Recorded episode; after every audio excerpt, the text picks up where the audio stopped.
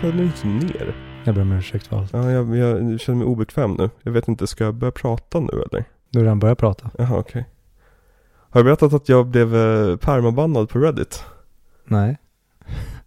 Vad innebär permabannad? Är det permanent ba- bannad? Ja men precis exakt, jag är permabannad på Marvel-subredditen. För att jag eh, fick lite frispel eh, häromdagen. Jag skickade det där till dig med att folk var kritiska över att Doctor Strange 2 är kortare än vad de trodde. Mm. Och så var det någon på Comic Book Movie, eller någon, deras chefredaktör som typ så här. Ja, vi är lite oroliga för det här, för hur ska de hinna med alla cameos som de har utlovat? Och jag känner bara att Jesus Christ, vad folk, alltså okej, se filmer på vilka förutsättningar ni vill, men om din anledning till att vilja se Doctor Strange 2 är, åh, vad kul med alla cameos, då kan du inte bara sitta och kolla på bilder på de här personerna du vill ha se då? Inte det samma sak? Jo, men det är tillbaka till det jag störde mig på med No Way Home. Mm. Att filmer eller blockbusters idag har blivit, det är som att scrolla ett Instagramflöde. Du vill bara ha content, du vill inte ha en bra dramaturgisk film. Ja. Du vill bara se allting som du går igång på Ja, spelas upp under två och en halv timme. precis. Du bara sitter och åh, åh. Och det var därför jag älskade Dune och The Batman. Mm. Men hur som helst, det triggade igång mig. För då började jag tänka på så här, fan vad jag stör mig på liksom, den typen av nörderi idag. Mm. Och en annan sak som jag insåg då, med alla cameos som förväntas vara i Doctor Strange 2 då. Så kommer folk sitta och klappa och skrika och tjoa och kimma genom hela jävla filmen. Precis som de gjorde på No Way Home. Mm. Nu går det rykten, det här är säkert kanske en spoiler. Jag har ingen som helst aning om det här är på riktigt eller någonting. Men det går ju rykten om att Tom Cruise kommer vara med som Iron Man. För att han blev ju nästan castad som Iron Man på 2000-talet. Så, sådana saker kommer säkert vara med i den här filmen, i ryktet. Och jag känner bara att Jesus Christ vilken enerverande bioupplevelse det kommer vara. Och då fick jag ett ryck och gick in på Reddit och skrev en tråd om att snälla, när vi ser Doctor Strange 2 nu om en månad, kan vi inte bara försöka bete oss lite grann som vuxna och se filmen? För jag skulle väldigt gärna uppskatta om jag får höra vad karaktärerna säger. Jag vet att du bara vill se dina actionfigurer, jag menar favorithjältar på skärmen och sitta och prata med varandra. Men jag skulle jättegärna vilja höra vad de säger också, skrev jag. Och sen väntade jag loss till att så här, och jag förstår att ni blir lite exalterade som när er mamma köper chicken nuggets till er. Men ni är faktiskt i en salong med andra människor och ni måste faktiskt respektera reglerna på bio. Angry man out. Och sen kom neckbeardsen ut i sina källare och skrev typ så här, Om, om du inte gillar att gå på bio, varför går du på bio för då? Gud. Och då lackade jag ur. Och svarade varenda jävel som skrev i den tråden med ett lika spydigt svar. Om de ville ha en diskussion om det, då svarade jag dem liksom sakligt. Mm. Och fick oftast ett sakligt svar tillbaka, det blev en bra diskussion. Men de flesta skrev jag bara liksom tillbaka, liksom med, gav tillbaka med samma mynt och så vidare. Ja, men som man frågar får man svar. Ja men lite grann. Och sen märkte jag helt plötsligt att min tråd försvann från, eh, liksom, har varit inne på Reddit någon gång? Mm. Du vet att det finns new, som man kanske sorterar på. Mm. Och så upp alla de senaste trådarna på subredditen. Mm. Jag märkte att min tråd försvann därifrån. Även fast trådar som skapades innan mig och efter mig syntes. Och liksom det, fanns, en- alltså det fanns ett glapp där, där min skulle le- legat. Då insåg jag att någon moderator hade alltså shadowbannat mig. Det vill säga att när de bannar en men inte meddelar liksom. Med dina trådar, dina inlägg syns inte. Så då skrev jag ett, ett meddelande till moderatorerna på den här subredditen. Och skrev liksom att jag ser inte min tråd på det här stället och det här stället och det här stället. Jag antar att jag klev på någon av, ers, av era eh, korvformade tår, men ni får jättegärna eh, lägga tillbaka den. Fick jag ett, ett me- me- message tillbaka, eh, you've been perm- permaband. Så jag, in, jag får inte skriva längre på Marvel subredditen. Men i praktiken då innebär det att du kan bara gå och göra ett nytt konto och så är du tillbaka där du var. Ja, men då, då riskerar jag att bli bannad från hela Reddit. För att eh, Reddit-moderatorer kan skicka liksom information till stora Reddit-moderatorerna. Och då blockerar de min IP-adress. Och det vill inte jag ris- riskera för att jag använder Reddit alldeles för mycket. Det är ju typ perfekta stället för att hitta typ svar på konstiga frågor. Kul med samtiden. Verkligen. Och då kände jag verkligen så här, fan vad folk är lättkränkta. De kunde inte ens ta, bete er som vuxna i biosalongen. Och till slut bör- började jag liksom svara folk typ när de skrek så här, ja men det är en del av upplevelsen. Då svarade jag, okej, så din biograf har alltså regeln att inga, inga cellphones och inget snack under filmen. Men skrik och applåder, det är okej. Ja, och därifrån kanske vi kan gå över i en diskussion då om det moderna bioklimatet. För det har ju faktiskt blivit så nu, i alla fall för mig, och det här Mm. tror jag många andra håller med om, för jag har sett andra ha samma typ av åsikt. När det kommer till att gå och se nya filmer som man tycker om, Mm. då måste man vara taktisk idag. Mm. För du måste vara, dels geografiskt måste du vara taktisk på var du går och ser biofilmen. Mm. Nu bor ju vi i Stockholm så finns det väldigt många bi- biografer att välja på. Mhm. Men även vilken tid och vilken dag. Mm. För att antingen måste du vara snabb utav bara helvete och kanske gå tidigt. Men det funkar ju inte i en Marvel-kontext. För då slutar ju kidsen skolan. Så de går ju förmodligen och ser den då, till exempel en 17.30-visning. Ja men alltså bara det, jag brukar ta ledigt på onsdagar när jag släpps. Och ser den klockan nio på morgonen på första visningen. Men det är lika illa då. Men sen ska jag säga att, alltså, ta typ Endgame när jag såg den på bio. Det är helt okej att det blir applåder när, när Captain America lyfter Thors hammare efter tio års uppbyggnad. Det är helt okej. Men att folk håller på och skriker som att de håller på och skiter på sig för att eh, liksom Spidermans polare kunde trolla. Då, då, då känner jag att ge er. Eller bara de ser en Spiderman-silhuett i bakgrunden när, när, när Andrew Garfields eh, Spiderman börjar gå mot, de ser inte ens att det är han än. Men de vet att det är han för de har läst spoilerserna.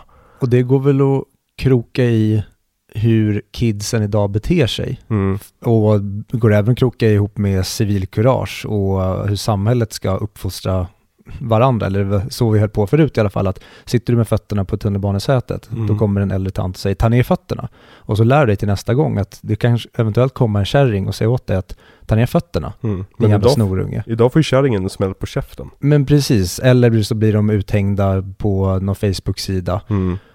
Och det är precis samma sak med biografer. Jag minns när jag var och såg eh, Scary Movie 4 Mm. och sen såg jag om den med en annan kompis. Mm. Och då satt jag och sa massa citat innan de kom till personen Mm. jag kollade med. Och då var det en farsa som vände sig om och bara ursäkta snälla, skulle du kunna vara tyst nu? Mm. Och det fick ju mig att aldrig mer göra om det där. Nej. Och det är så vi lär oss att respektera varandra. Mm. Och är det någonting som gäller i en biograf, då är det precis som du säger. No cellphones och man håller käften. Ja. Och jag är till och med på den nivån att jag vill inte ens ha jubel. Det spelar ingen roll, nu är inte jag ett Super Marvel-fan, men ta bara, ja nu har inte jag någon, ja men ta, säg att eh, vi hade varit och sett eh, nya Star Wars Episod 7 när den Mm. kom. Och när eh, Hans Solo dyker upp. Mm. Det här är en karaktär som jag är uppvuxen med och älskar. Men jag vill vara i filmen. Jag vill Mm. att alla är inne i filmen och håller käften. Jag vill inte att det Precis. blir någon konsertgrej när man helt plötsligt spelar den största hitten och alla bara wow, fan vad bra, It's My Life med Bon Jovi. Jag vet inte varför Mm. jag tog Bon Jovi, för jag är inte fan av Bon Jovi. Nej. Men jag vill bara att snälla, vi, och speciellt idag när biobiljetterna är så snuskigt Mm. jävla dyra, att gå och betala 150 spänn plus, Det räcker, alltså en IMAX-biljett är ju fan 250. Ja, men där, oh, när vi var och såg Batman, jag var så jävla nervös för att det var väldigt många som pratade väldigt mycket. Mm. Men, direkt när filmen drog igång höll alla käften och jag blev så lättad över det. Men att betala då minst 150 spänn för en biofilm idag, Mm. som är mycket pengar, alltså det är dubbelt mot vad det kostade när vi var små och vi är liksom inte ens gamla på riktigt Nej. det är sån disrespect mot alla och det har blivit någon mainstream-grej idag att om alla beter sig illa, då är det okej. Ja, ja, men det är just och, och så kan man säga så här, jo men bio är en communal experience, så här, ja, men det räcker med Mm. och, och liksom att man, man känner av energin i rummet och så Mm. vidare. Det, det, är som, det är det som är magiska med bio, att du känner av vad personen bredvid dig tycker. Mm. Även fast du inte behöver prata med den. Det, det är jättespännande, jag kan inte riktigt förklara det. Men så jag tror att våra liksom, rätt basala djuriska instinkter bara känner av hur alla mår där inne. På ett sätt. Och sen så såklart, när man skräckfilm, då är det okej att folk skriker när de blir skrämda och så vidare. Det är en del av upplevelsen. Men liksom att, att just det här att det har blivit okej och att framförallt det är så här man ska se filmen ju. Mm. När Spiderman nummer två kommer på skärmen, då applåderar vi. Och när Spiderman nummer tre kommer fram på skärmen, då ska vi också applådera. Och sen så när de nämner Mary Jane, då ska vi applådera. Och när Ned trollar lite grann med sin ring, då ska vi applådera. När Doctor Strange kommer tillbaka från Grand Canyon, då ska vi applådera. Vad är ni här för att applådera eller är ni här för att se filmen? Och dessutom, det går att ha fanscreenings hörni. Det går att samla alla, alla fans som tycker om att liksom interagera med filmen på ett öppet sätt. Som till exempel när folk ser The Room. Så sitter man och säger saker, man sitter och kastar skedar mot skärmen. Men det är också ett kontrakt som alla har ingått i. Alltså det är så här vi ser på filmen. Och jag stör mig så mycket och vi återigen, vi låter som gubbar, vilket vi börjar bli Ja. säkert en, är ännu mer än många i vår ålder. Men vad säger man, jakten på att få explodera i känslor Mm. i ungdomen idag som jag upplever det, som gör att det är inte ens en genuin explosion längre, Nej. utan man verkligen, man, man är en sån posör. I alla fall när man själv har varit tonåring och gått igenom de här stadierna, så när man verkligen tittar tillbaka och ser hur barn och ungdomar fejkar vissa saker, Mhm. men de tror att vi går på det. Mm. Det men- är den, det, och det får mig att det blir, dels det blir som att man multiplicerar vrede och cringe. Mm. Och det skulle, om jag skulle vara någon slags Marvel-skurk, då skulle det vara att jag föddes i en biosalong Mm. där jag blev för arg och cringeade för mycket att jag skapade ett monster som åker runt och mördar massa tonåringar idag. Okej, och jag kan förstå liksom, jag, förstå, jag kan, jag, jag kan acceptera som sagt spontana reaktioner i biosalongen. Att om du inte alls var beredd på att Tobey Maguire skulle dyka upp i No Way Home och så dyker han upp och du liksom ger ifrån dig ett, ett, ett ljud för Mm. så, oj jävlar! Det är, så här, det är helt okej. Det är helt okej. Men andra gången jag såg Spider-Man No Way Home så var det en kille som satt och kollade på den med sin, jag misstänker att vännen inte hade sett den. För att den här snubben satt och räknade ner till saker och ting.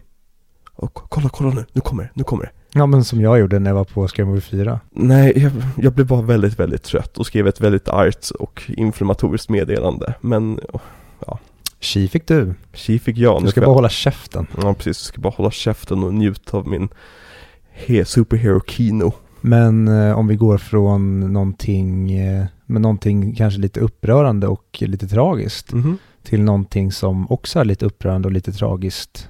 Freddie Quells liv. Mhm. Vi ska prata, just det, vi kanske ska säga välkomna tillbaka till Audio Videoklubben. Just det. Audio, video, en bra podcast.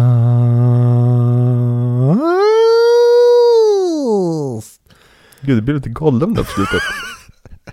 Han, han finns inom mig. oh ja. Eh, det är då jag som är Alex och med mig har jag Jag är också Viktor. också Viktor. Jag, jag skulle vilja börja prata som Yoda, att man pratar i fel ordning. Jag Alex är. The Master idag vi ska prata om. Ja, det är ju eh, Andersson Paul Thomas Eh, sjätte? sjätte långfilm ja. Ja precis, sjätte långfilm. Eller? Ja, jo. För han har bara gjort nio och vi passerade halva med förra veckan med There will be the blood. Den är så bra. Det här är ju hans första film på 10-talet. För det tog ett par år från There will be blood till den här. Ja, Det är fem fyra. år emellan. Fyra? Ja just ja, precis. För jag glömmer alltid bort att den inte släpps 2008. Exakt, fem år emellan. Det är ändå rätt bra. Jag som knappt var medveten om vem Paul Thomas Anderson var vid det här laget, jag kan bara tänka mig riktiga fans till honom. Mm. Hur jobbigt det måste vara att vänta de här fem, fem åren. Jag kan bara relatera till att man har varit en Nolan-fanboy när jag vuxit upp. Mm. Men han går ju inte så länge mellan varje film. Han var typ tre, fyra år på sin höjd. Och sen så hade jag också, han hade ju väldigt bra deals med Warner Brothers där. Efter Batman Begins och The Mhm. Prestige. Men det blir också, när det är så här långt mellan filmer, då känns det som att det byggs upp så otroliga förväntningar Mm. på vad har han sysslat med de här fem åren. Men som jag förstår det så är det ju att han tar ju en paus Mm. och sen hittar han inspiration och sen sätter han igång med sitt projekt och när han är redo att launcha det, då kör han. Så att det inte är en strategisk sak av honom. Ja, det som är intressant med Paul Thomas Anderson, an- anledningen varför han tar så mycket tid på sig, Mm. är ju för att han också skriver sina filmer själv. Till skillnad från många andra regissörer som liksom får ett manus på sitt bord och bara åh det här var skitintressant, det här vill jag göra en film om. För då kan man ju köra en film om året, för du behöver inte liksom hitta på nästa story. Utan du kanske pratade med din eh, screenwriter-kollega och sa har du något liggandes så jag Mm. kan kolla på? Ja, jo men det här skrev jag för några år sedan. Åh, det här var ju skitbra, det här tar jag. Eh, så det är mycket där också. Att liksom, han måste ju verkligen, han ska inte bara laga rätten, han ska också uppfinna en ny rätt varje gång. Ja, och det är häftigt att se, för så många av hans filmer som vi hittills har pratat om så kommer ju inspirationen från många olika håll. Det är sällan så, ta bara Oil förra veckan, att There Will Blood är löst baserat på den. Och sen har han tagit inspiration från massa olika håll och massa olika människor som han, han sen har bakat ihop. Istället för att göra en rakt av adaptering av ett tidigare verk. The Master, det finns ju en tydlig koppling till vad i alla fall The Cause är baserad på. Ja, det är helt sant. Eh, vi kommer gå lite djupare in på det kanske. Men vi kan prata om islam senare. Ja men precis, exakt. um, nej men mycket, mycket av Paul Thomas Andersons inspiration till den här filmen kommer ju just från L. Ron Hubbards liv. Det lät som du sa Elrond. Ja men det, det, han låter ju som att han heter L. Ron Hubbard. Mm. Men L. Ron Hubbard som är då grundaren eh, av scientologkyrkan. Mm. Eh, men det är också baserat på en novell som heter V, har jag för mig. Samt även lite saker han klippte bort ur There Will Be Blood. Ja, och även mycket, framförallt Freddie Quells hela ark är Mm. baserad på en dokumentärfilm som heter Let There Be Light Mm. från 1900, 47 va? jag tror att det var 1946. Mhm. Men eh, ja, där någonstans direkt efter kriget. En dokumentär som var tänkt att visa att de här männen som kommer hem shellshocked och har PTSD från kriget, de ska vara, ni kommer få se den här efterbehandlingen där de egentligen blir psykologiskt kontrollerade för att se att de inte kommer gå rakt ut i samhället och bara skjuta ihjäl en skola eller någonting.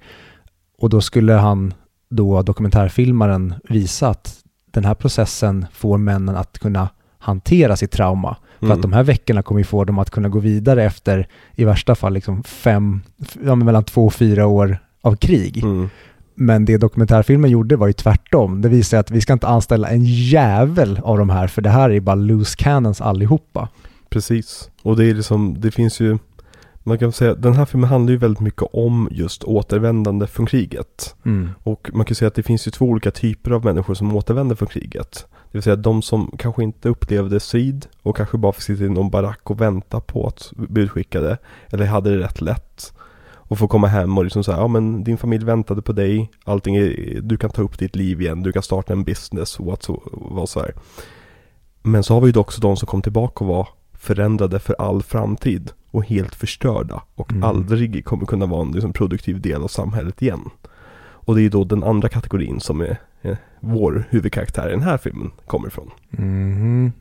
Joakim Poenix Ja. spelar då Freddie Quill. Det är intressant att det var ju först tänkt att det var Jeremy Renner i huvudrollen. Jag, jag tänker bara på There Will Blood, där man hade väldigt många anonyma skådespelare. Mm. Och det har nästan varit coolt att se den här filmen att ta kanske inte då Jacqueline Phoenix som är en superstar här, att du tar någon som kanske är lite mer low key, så att det blir någon som inte är superkompisar med redan och sett honom i massa stora roll- roller. Ska jag dra av plåstret på en gång? Dra plåstret på en gång. Min största problem med den här filmen är Hawking Phoenix. Mhm. Inte för att han är dålig på något sätt. Du menar Arthur Fleck? Det, jag, jag kommer dit. Och nej, han är på väg in i Adam Sandler igen. Den här filmen får mig att tycka mindre om Jokern. För att det känns som att Håkan Phoenix uppfann inte eh, det som jag var så imponerad över med hans arbete i Jokern. Insåg jag att han bara tog saker från hyllan. Han har redan spelat den här karaktären. Det, han gjorde allt arbete för den här filmen. Men först och främst vill jag bara säga att jag tycker han är alldeles för gammal. Jag, vill, jag, jag skulle vilja ha någon 24-åring här. Mm. som verkligen liksom kommer hem och är bruten. Han hade stora hoppningar om, förhoppningar om att liksom bli kanske hjälten. Han hade blivit liksom manipulerad av propagandan att liksom du kommer vara en soldat för det amerikanska folket. Och så blev det verkligen inte så. Utan han fick sitta på en båt och supa sig full på etanol hela, hela dagarna. Och när han kommer hem så är han en bruten 24-åring liksom. Jag tycker att det skulle funkat så mycket bättre. Som sagt, inte för att Hogan Finns är dålig i den här rollen. Han spelar skiten ur den här rollen. Men det är lite det också, att han spelar skiten ur rollen. Mm. Och det har PJ sagt att mycket var ju att han lät eh, Phoenix gå ut on a limb på väldigt många saker. Till exempel bara hans hållning och hur han håller händerna på höfterna. Mm. Och någonting som Phoenix bara, ja men kan jag göra så här? Och PJ bara, oh, sure. Och så funkar det, så blev det karaktären, hela hans Mm. hållning och att han har trasiga njurar, att han håller sig på njurarna på grund av någon smärta, sa han i någon kommentar, att det blev som en del av karaktären, att han nästan greppar tag i en del av honom som ja, men, han har druckit sönder. Ja, men och sagt, jättebra rolltolkning. Alltså för den rollen som blev skriven så att säga. Och improvisationen och så vidare.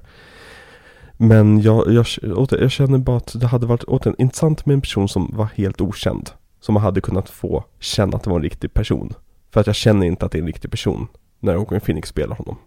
Mm, jag nämnde ju det i um, förra veckans avsnitt. Mm. Just att jag gillar när skådespelare går out on a limb, mm. när de får till exempel en Oscar, att de gör någonting spektakulärt. Mm. Men det som just Daniel Day-Lewis är mästaren av, det är att inte vara spektakulär utan få oss att känna att det här är en människa här som de bara filmar. Han, han spelar inte, det här är en urkraft. Han, det finns inget konstlat här överhuvudtaget. Och det kan man verkligen inte säga om Freddie Quill. Han är ju superskådespelad. Ja. Men jag älskar den typen av, um, vad ska man säga, ja, men jag älskar att se Jacqueline Phoenix spela en bortsprungen hund. Mm. Att mm. han är så himla jobbig på så många sätt i den här filmen. Ja. Och hur, det, hur han speglas mot uh, Lancaster. Mm. Som spelas då av den briljanta Philip Seymour Hoffman. Som för övrigt, så fort han är på skärmen så är det här en 5 av 5 film. Alltså Philip Seymour Hoffman. Varenda scen han är med i, i, i är elektrisk tycker jag. Och så fort han inte är med så glider det ner till typ 3,5 för mig. Mm, jag förstår precis vad du menar. Jag skulle vilja säga att det här är hans bästa roll. Men jag vet inte om det är hans bästa roll. För jag minns, ja men ta Baccapote som han vann Oscar Mm. för. Att det, det är ju mer en out there-roll. Där Mm. han skådespelar mycket mer. Men jag gillar verk, alltså den här karaktären Lancaster Dodd och allt han är i det här lugnet som sen bara låter hans odjur, det kommer ut ibland. Mm. Men det han är för sin församling. Ja. Åh, han Jag är, tycker han är helt briljant i den här filmen. Ja, det är Men nästan- han är alltid briljant. Ja men verkligen, och det är nästan, de har ju väldigt många scener där han bara sitter och pratar. Mm. Men det är nästan så att man hade kunnat ha ännu mer scener där han bara Ja. pratar. Ja, men, och det tror jag nog också är största misstaget med den här filmen ur min egen smak. För att en sak som Paul Thomas Anderson, Ander, Anderson, Anderson insåg när han började spela in filmen är att han, han det var först tanken att Lancaster Dodd skulle vara huvudkaraktären. Mm. Sen så insåg jag att nej, men det är nog mer intressant om vi gör Freddy till huvudkaraktären. Men min tanke är att du skulle ha tänkt första tanken. Det hade varit en mycket mer intressant film tror jag. Nu, nu låter jag jättenegativ, jag ska bara lägga till den stora feta brasklappen om att det här är en jättebra film. Eh, Det, jag har inte jättemycket negativt utan det här är nitpicking och saker som jag skulle kanske velat ändra i efterhand. Ja, jag vet inte. Det kanske hade varit intressant att se att filmen handlar om The Cause och familjen Dodd. Mm. Och sen kommer fin, eller um, Quell in. I typ tredje akten kanske och slänga in en wrench i maskineriet. Ja, eller för mig han till och med kunna komma in i, efter första vändningen. Mm. Att man får se först hur The Cause är. Mm. och sen kommer den här personen in. Men det som det blev nu just att se vad Lancaster försöker göra med Freddie Quell, det tycker jag är en sån otroligt intressant film. Mm. Men mycket mer intressant efter att jag läst väldigt mycket vad mycket av sakerna symboliserar som jag inte snappade upp. Mm. Och det är väl kanske mitt problem, mitt största problem med den här filmen. Jag tycker också att det är en jätte, jättebra film. Och som alla PTAs filmer så, även fast de kanske inte går fort, så blir de aldrig tråkiga. Mm. Allt är intressant hela tiden. Bara att den här kanske inte brinner till på samma höjd lika ofta eller konstant som There Will Blood gör. Nej. Sen är det skitsvårt att följa upp den filmen som är en av framförallt 00-talets och de säger ja, men 00-talets bästa filmer och kanske en av de bästa filmerna som någonsin har gjorts. Mm. Då har man enorma förväntningar. Efter jag såg den här filmen så kände jag direkt att Gud, Philip Seymour Hoffman är nog min favoritskådis av all time. Men det sa ju också om Daniel Day-Lewis förra veckan. Mm. Och så insåg jag, men hur, och hur kan jag ha de två ta- tankarna i huvudet samtidigt? Jo, för att Daniel Day-Lewis, han är expert på att spela ut. Philip Seymour Hoffman är expert på att spela in. Alltså spela inåt.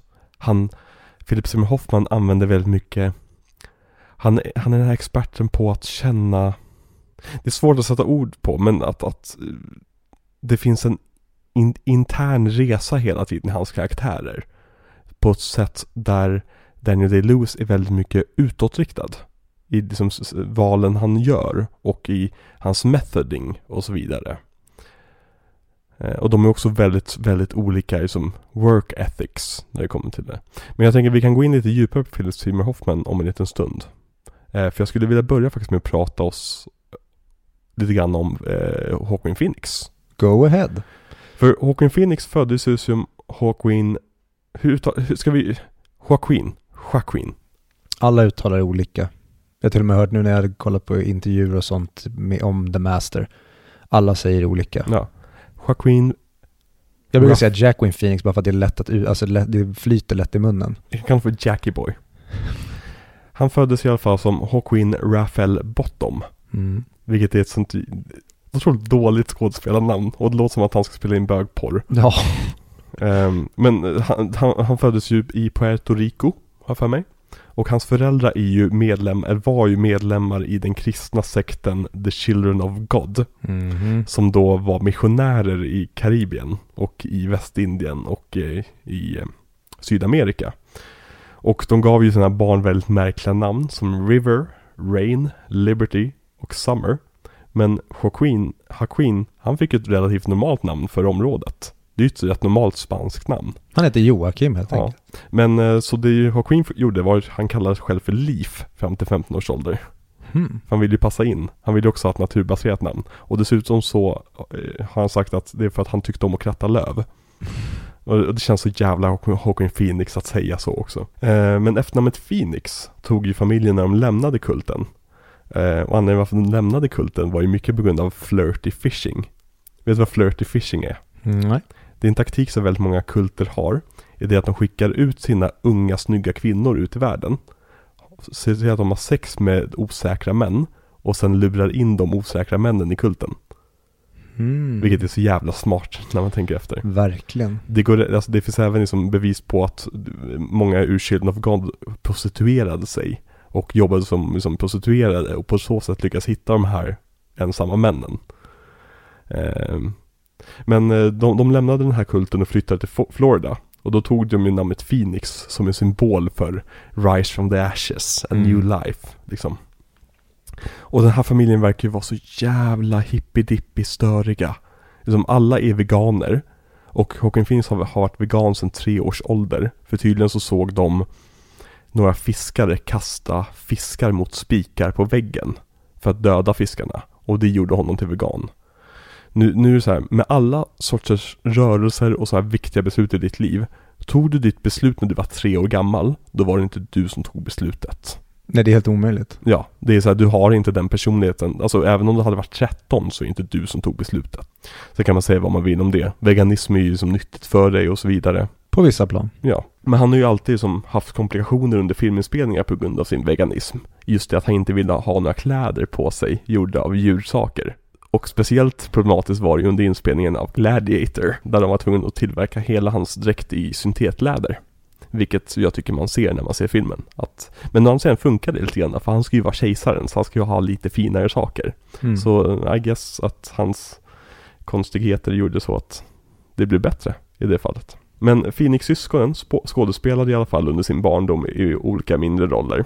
Eh, på grund av att mamman blev väldigt god vän med en agent i Los Angeles.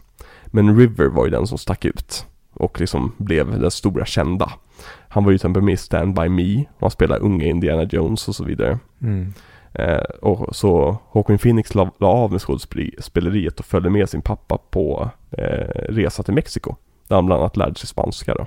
River dog ju i en överdos 1993 utanför Johnny Depps klubb The Viper Room på en spelning med Red Hot Chili Peppers. Eller det var inte en officiell Red Hot Chili Peppers men medlemmarna spelade. Hawkwind och Rain var ju vid hans sida och Hawkwind var ju faktiskt den som ringde efter ambulansen. Och det nödsamtalet finns på YouTube. För att det nödsamtalet spelades i alla amerikanska medier i typ ett halvår efteråt.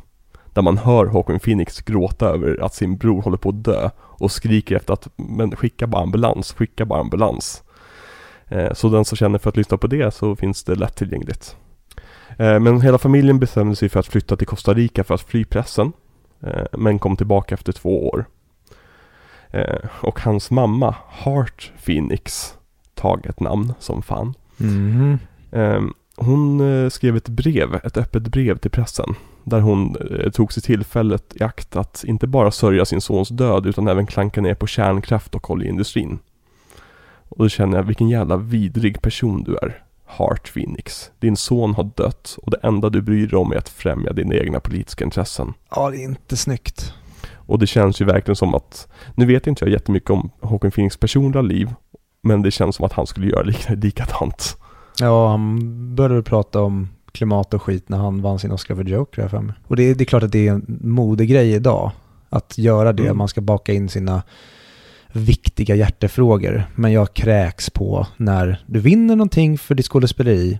Prata om människorna som har varit viktiga för dig för ditt skådespeleri. Ja, Blanda inte in massa andra jävla casus. Då kan du hålla på med Rädda Barnen eller någon annan Exakt. förening på sidan av, med Greenpeace. Men varför hela tiden blanda in sina jävla aktivistiska grejer i Mm. allt och bara kladda ner dig själv. Jag tänker på dig Mark Ruffalo. ja precis. Och där är skillnaden till Philip Seymour Hoffman som aldrig har nämnt en po- po- politisk åsikt i hela sitt liv, egentligen. Nu, nu led han av massa Mm. saker och uh, intressant nog var att han drack för första gången på 23 år på rap-partyt för The Master. Eh, Och det kickade igång hans alkoholism igen.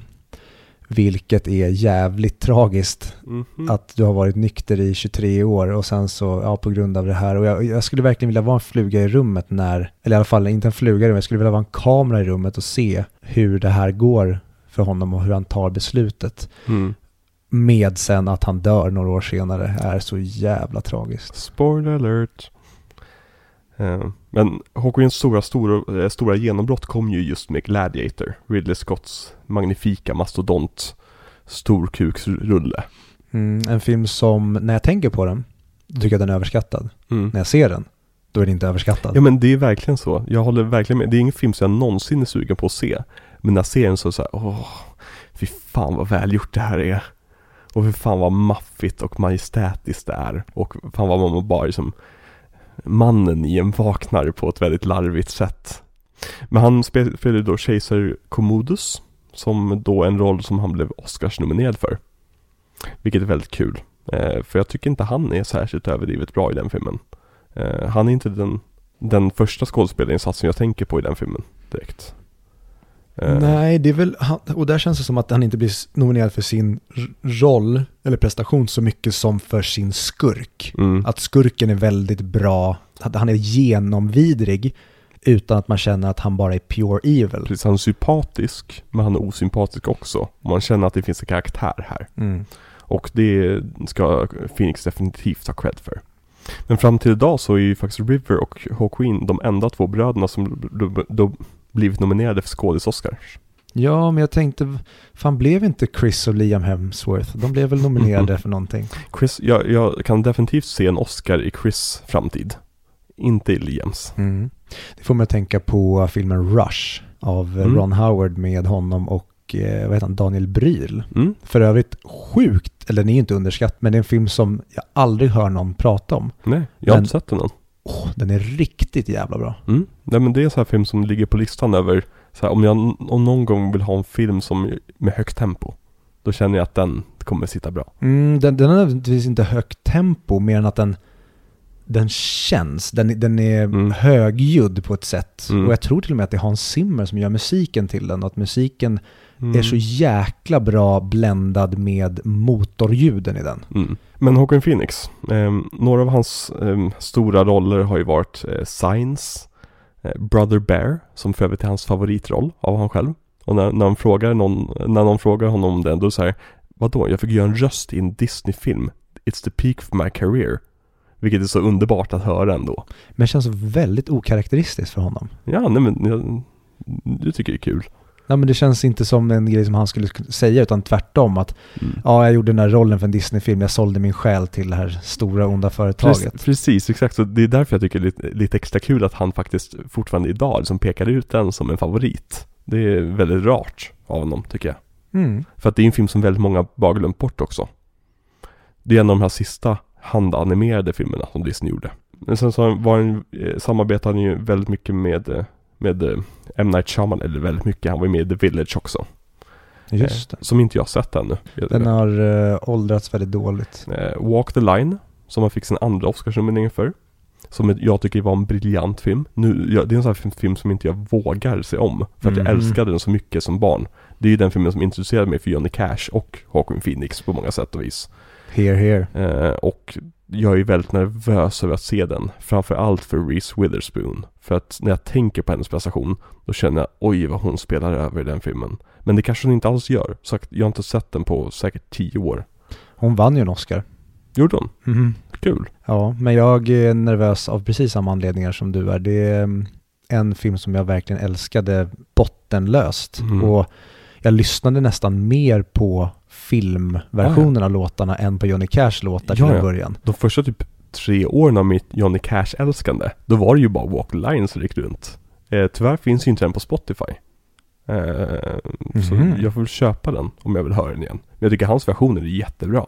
Ja, verkligen. Många av dem är till och med bättre än Johnny Cash. Och det är säkert någon Johnny, något Johnny Cash-fan som kommer leta, leta upp och kasta ägg på min framdörr nu. Men han, vissa av låtarna gör han faktiskt bättre än Johnny själv. Vilket är väldigt spännande. Och det är också kul med en film där han får sjunga. Eller där skådisen faktiskt sjunger. Skillnad från typ i Bohemian Rhapsody. När de bara lip-synkar. Men han säger det är helt omöjligt att hitta någon som låter som Freddie Mercury. Ja, Johnny Cash är inte lika svår där. Han sjunger inte ut på riktigt på samma sätt. Nej, precis exakt. Och Och det det, är är Johnny Cash, säga vad man vill, jag älskar hans musik, jag älskar hans sångstil. Det är inte riktigt avancerade låtar för honom att sjunga. Det är som, han har ett väldigt begränsat register. Man måste egentligen bara ha en mörk röst för att kunna ta det. Mm, det som Johnny Cash verkligen har, det är ju, man hör direkt att när det är han, Mm. men man kan inte säga att han levererar på ett sätt mer än att, ja, ja, du fick den här rösten Mm. och du gjorde jävligt bra grejer av den mer än att du sticker upp och gör någonting extravagant med det. Ja, men och verkligen. Det är någonting som jag tycker Jacqueline Phoenix versioner verkligen gör. Det är att de poppar till det och ökar tempot. För det är till och med en kommentar i filmen vill jag minnas att vi spelar den här takten för att vi kan inte spela snabbare. Mm. Och det för mig är ett citat från Johnny Cash att kan, det går inte fortare än så här. Mm. Nej, jag har för mig också. Det är någon klocka som ringer. Men eh, sen tog ju han ett break i sin skådespelarkarriär. För han skulle ju bli hiphopartist. Okej? Du minns inte det här? Han hade ett sammanbrott på Letterman där han eh, svor och grejer och eh, skrek och han ska bli världens största hiphopstjärna. Nej, vilket år var det här? 2010 har jag för mig. Och eh, det visade sig, sig sen bara vara en performance. För att han gjorde ju dokumentärfilmen I'm Still Here med Casey Affleck. Så allt det här med att han skulle vara hiphopartist, alla hans framträdanden, allting, det var bara en del av filmen. Mhm. Och I'm Still Here är lite kul för att det är den, på den filmen som Casey Affleck eh, enligt ryktet våldtog en tjej och därför metooade då. Just det. det. Han vann väl för Manchester by the Sea och sen var det bara bye bye. Jag tror det var ju som veckan innan Oscarsgalan som det här kom fram. Mm. Eh, Brie Larson var ju den som delade ut hans statyett. För mig att man kan se i hennes ögon, the disgust. Vilket är lite så här life is a simulation grej. Men sen efter det har han ju varit med i en hel del, men han har blivit mycket mer selektiv med sina roller. Men hans två största roller efter det har ju varit Her, som blev väldigt, väldigt populär. Den blev ju Oscars-nominerad, har för mig. Inte just Mm. hans prestation kanske. Men sen också Joker. Äntligen fick han sin Oscars-vinst. Där han vann Oscar för bästa manliga huvudroll. Ja, och tillbaka till då att mycket av Arthur Fleck känns som en bara extension och lite nytolkning av Freddie Quell. Mm. Jag tycker inte, och det, det, det är lite som jag tycker med, det, det har ju varit kritiken mot Joker, att det är mycket en stöld av Taxi Driver, eh, King of Comedy bland annat. Mm. Men precis som att låna från en tidigare artist Mm. så tycker jag bara att okej, nu är det lite väl kanske tajt i tiden. Mm. Men jag älskar inte Joker mindre för det, för jag älskar den filmen nästan på grund av att det är nästan så att det är, här har vi en modern popcornfilm som vi försöker göra till en artsy film. Mm. Men det bara går, alltså det går hem rakt av mig. Jag tycker nästan Ja, om, alltså, att man, så här, Todd Phillips, Mm. det är nästan kronan på hela den filmen. Alltså, vänta, vem har regisserat Joker? Det är Todd Phillips. Ja, ah, han från filmen. Det går knappt ihop. Och det gör Livet är en att, simulation. ja men exakt, det känns, det är för konstigt och det får mig bara älska filmen ännu mer. Ja, nej men det, alltså att jag, när, jag, när jag ser om Joker kommer jag säkert inte ens tänka på det här. Men det jag kände när jag såg filmen att, jaha, det var det här han hämtade den ifrån. Eh, det blev liksom lite mindre unikt, det här Jo- Joker-tolkningen. Ja men Eh, ta bara scenerna när han sitter och säger att han har fått en bild av sin eh, sweetheart. Mm, nästan framingen är exakt samma som när han sitter i Joker och säger att ibland vet jag inte ens om jag existerar. Ja, precis. Nej men det var ja, mm, verkligen, verkligen. Ehm, Men han- hans kommande projekt då? Eh, Han ska ju spela in, han håller på att spela in Napoleon. Har du sett bilden från den? Det är Ridley Scott va? Nej, eller? Kanske. Jag minns inte. Jo, visst fan är det. Jag vill verkligen minnas att det är Ridley Scott. Om det är Ridley Scott är jag jättetaggad. Okej, men jag vet inte om han är rätt. Jag, jag kan verkligen inte... Jag är jättenervös över Hawking Phoenix som Napoleon. Mhm. Det kanske blir bra. Jag, kanske... tror, jag tror att det kan... Om filmen blir bra, så, och även om filmen blir dålig, så tror jag att han Mm. kommer vara kanon. Mm. Och då kommer säkert folk säga att så här, ja men enligt eh, det vi vet om Napoleon så var inte Napoleon sådär. Men jag tror att han kommer göra en kanontolkning Mm, som kommer mm. ändå vara intressant att titta på. Jo, jo kanske. Du, nu drog du upp mitt hopp lite grann. Men en film jag verkligen har hopp för, som Hawking Phoenix kommer vara med i. Joker nästa 2. år. Vad sa du? Joker 2. Precis, Joker 2. Mm. Nej, Ari Asters Disappointment Boulevard. Mhm. Där känner jag Ari Aster, Hawking Phoenix. Definitivt. För att Hawking Phoenix är rolig. Han är jätterolig i det att han är rätt tråkig. Alltså han, han har den här frivilligt ofrivilliga humorn i sig hela tiden. Vilket han tar fram väldigt mycket just den här rollen i The Master till exempel. Mm. Och det är Ari Aster expert på att använda. Så jag känner bara definitivt jättebra casting. Kom inte Joker 2019? Jo. Och Midsommar kommer 2019. Mhm. Och den rollprestationen från det året som jag tyckte om mest, Mm. Tillsammans med den filmen som nu är en av mina favoritfilmer. Så Exakt. tar den regissören och bara, du, vi ska göra en film ihop. Och Åh, Ja. ja. Det, det är nog den filmen jag är mest taggad på av alla filmer hittills. Alltså just nu. Den enda som hade gjort mig mer taggad på den är om de hade återupplivat Philip Seymour Hoffman. Och Mm, typ. Daniel Day-Lewis hade gått ur, ur, ur retirement. Det hade varit Ja. nice. Ja. Eh, Jag, jag läste en intressant anekdot om Hawking Phoenix. 2006 så var han med i en bilkrasch när eh, bromsarna på hans bil slutade funka. Och han eh, kraschade och tuppade av. Och sen vaknar han av att en röst säger Relax, relax. Alltså, I am relaxing, säger han. Men tydligen så försöker han tända en cigarett när han är upp och ner i bilen och det är bensin i hela bilen. Eh, Men här rösten säger åt No you're not relaxing och försöker så ta cigaretten från honom och, och krossar bakrutan på bilen. Släpar ut Håkan Phoenix ur bilen. Den mannen var Werner Herzog. Va? Ja. Fatta att vakna efter en bilkrasch och Werner Herzog säger åt dig att Just relax. Du kan inte göra en tysk brytning och sen så kommer Werner och slår sönder din bakruta och släpar ur dig ur din bil. Där har vi en musikvideo. Ja. Men okej, vad tycker du om Joaquin Phoenix prestation i den här filmen? Och vad, vad skulle du säga är hans bästa prestation utanför den här filmen kanske?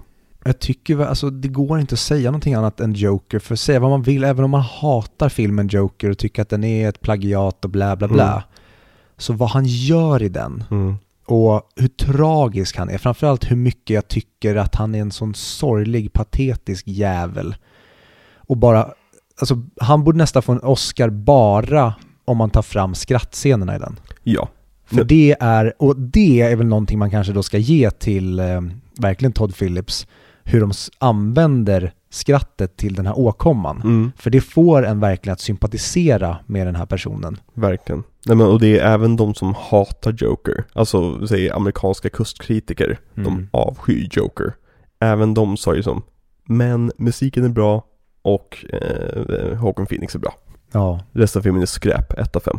Vilket är en sån märklig åsikt. Så halv, halvt politiskt motiverad åsikt, ser jag det som. jag skulle säga superpolitiskt motiverad åsikt. Ja, men det är så märkligt också, för den filmen är ju väldigt, väldigt vänster i sitt mission statement. I det att det är som den råkar vara en person med fel hudfärg. Att det är en vit man. oavsett vilken färg han hade haft på huden så är det en man som liksom tar, som får nog av samhällets, att, tryck, att bli nedtryckt av samhället och tar kontrollen över sitt eget liv på ett väldigt explosivt sätt. Men jag tror också att hade det inte varit så att Aurora-katastrofen hade hänt några år tidigare. Vad var det? det var ju när han som hade klätt ut sig till Jokern, eller han hade inte klätt ut sig till Jokern ens, han hade färgat sitt hår rött. eh, sköt, sköt ihjäl folk på premiärvisning av eh, Dark Knight Rises. Ah. Och det blev ju väldigt mycket snack om att media typ hoppades på att det skulle bli en, en repris på det, på Jokern. Och typ så här, hoppas att det inte är någon massskjutningar på Jokern i helgen. Hoppas det inte är någon massskjutningar i helgen. Massskjutningar i helgen.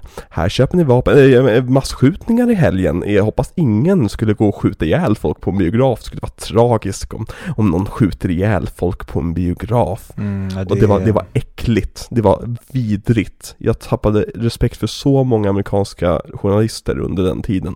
Just för att de ville provocera fram det. Nej men det här stod ju till och med i mainstream media om den här oron. Ja, Och sen var det som att alla blev chockade när det inte skedde. ja, nej men verkligen. Nej, det är eh, vidrigt media. Inte för att ni lyssnar på det här men... Verkligen. ja. Nej men så Mm. Joker absolut, men jag älskar Freddie Quell. Mm. Och jag hade nästan velat ha en film ännu mer centrerad, för verkligen aspekten av filmen är ju att det är en kärlekshistoria mellan två män. Men jag hade nästan kunnat tänka mig ännu mer bara med den här kärlekshistorien mellan Lancaster och Freddie. Mm. Verkligen. Definitivt. Jag tror min favoritroll av Joaquin Phoenix utöver kanske Jokern, om jag ska ta någonting som inte är lika mycket utåt. Jag tyckte väldigt mycket om hans prestation i Her. Okej, ja, det gjorde inte jag. Okej. Han är inte bra på att spela sympatisk. Nej. Alltså när, när det kommer till en straight up sympatisk roll, utan då ska han vara patetisk och Mm. nästan lite creepy. Men i Her, då tycker jag att han, han ska ju vara en sympatisk och fin person, Mm. men jag ser inte i den karaktären. Jag såg om halva ganska nyligen Mm. och då kände jag verkligen att nej, den här filmen tycker jag är jätteöverskattad. Okej. Jag har inte sett om den sedan den kom, ska tilläggas. Så det kan vara så att jag också, också inte tycker om den längre. Men eh, det, det, när jag bara tänker på den så tyckte jag att det var så här otroligt mysig roll bara.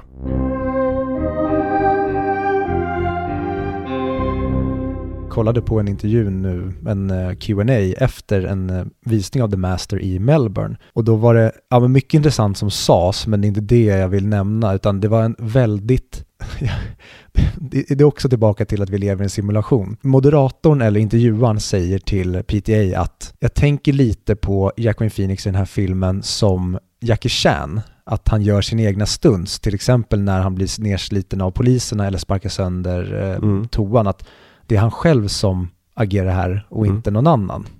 Och när han säger Jackie Chan, då klipper de till publiken på en asiatisk kvinna. Och det, och det var väldigt roligt, för de hade inte klippt till någon tidigare. Det har varit något i någon enstaka där de klippte, men just att de råkade BAM! Rakt från Asian Woman när han nämner Jackie Chan var väldigt roligt tyckte jag. Kul. Och en annan rolig grej som eh, nämndes, eller frågan ställdes till PTA och jag älskar när han reagerar på frågor som att vilken rolig fråga. Mm. Återigen till varför jag har lärt mig att älska den här mannen så mycket och inte bara regissören är för att han, han känns som en helt vanlig människa. Mm. Snarare än att man kan se en regissör som känns väldigt bajsnödig eller väldigt full av himself så känns han väldigt down to earth verkligen. Och då ställde de frågan att om du hade en filmskoleklass, Mm. vad hade dina tre filmer varit då som du hade visat? Åh. Och det han svarar med då är att det nödvändigtvis inte är den filmen han hade visat, men en film som han verkligen älskade, som jag tror till och med kom samma år som The Master, är filmen Ted. Åh. Fan vilket kul svar från PTA. Ja, och han sa det att han blir så glad av en sån här film som är så genuin och Mm. går rakt in i kaklet i det den gör. Han sa det som är så välskriven i sin humor, för det är så himla svårt. Ted är ju nästan så här 80-talsfilm i hur oironisk den är. Mm. Alltså den, den har ju väldigt mycket ironisk humor i sig. Men den är väldigt straightforward och ärlig med vilken typ av film det är. Mm. Det handlar om en teddybjörn som svär jävligt mycket. Och liksom, nej men jag, jag förstår det svaret. Vilka andra filmer vill han? Det kom de aldrig till. Jaha. Utan han, han cirklade in på det och sen gick de över. Det, det var väldigt många frågor som aldrig blev besvarade för att de halkade in på massa andra saker istället. Mm. Men jag blev väldigt, väldigt glad av just att Ja, det är klart PTA som älskar film, för han jämför den även med Airplane. Mm. Att Åh. det är bara en Har du rakt sett Airplane? många gånger. Det, det är nog min favoritkomedi någonsin. Mhm. När jag såg den första gången höll jag på att dö av skratt. Speciellt under Staying Alive-scenen. Det är flashback till Vietnamkriget. När han träffade sin fru. Eh, Jag vet inte varför jag gjorde citationstecken. Han träffar sin fru. Eh, Mm. eh, Och han blir huggen i ryggen med en kniv. Och han gör disco moves, eller han försöker plocka ur kniven och liksom pekar mot att jag har en kniv i ryggen Men hans fru tror att han, han försöker dansa disco moves Det låter jättebanalt men det var levererat med så mm. Och det är också filmen som gjorde Leslie Nielsen till en komisk skådespelare För att det de insåg, jag tror, fan nu minns jag inte, Zuckerbröderna tror jag de heter Det de insåg med Leslie Nielsen, för han var en seriös skådis Mhm. Alltså en straight up seriös skådis. Det de insåg är att, men om vi har med honom som en seriös skådis i våra filmer, då blir han rolig. Men han ska inte dra skämt. Han ska inte säga konstigt, nu säger jag, så desto längre in desto mer tokig blir han ju. Men i den filmen är han dö seriös. Men det är ju det som är det roliga.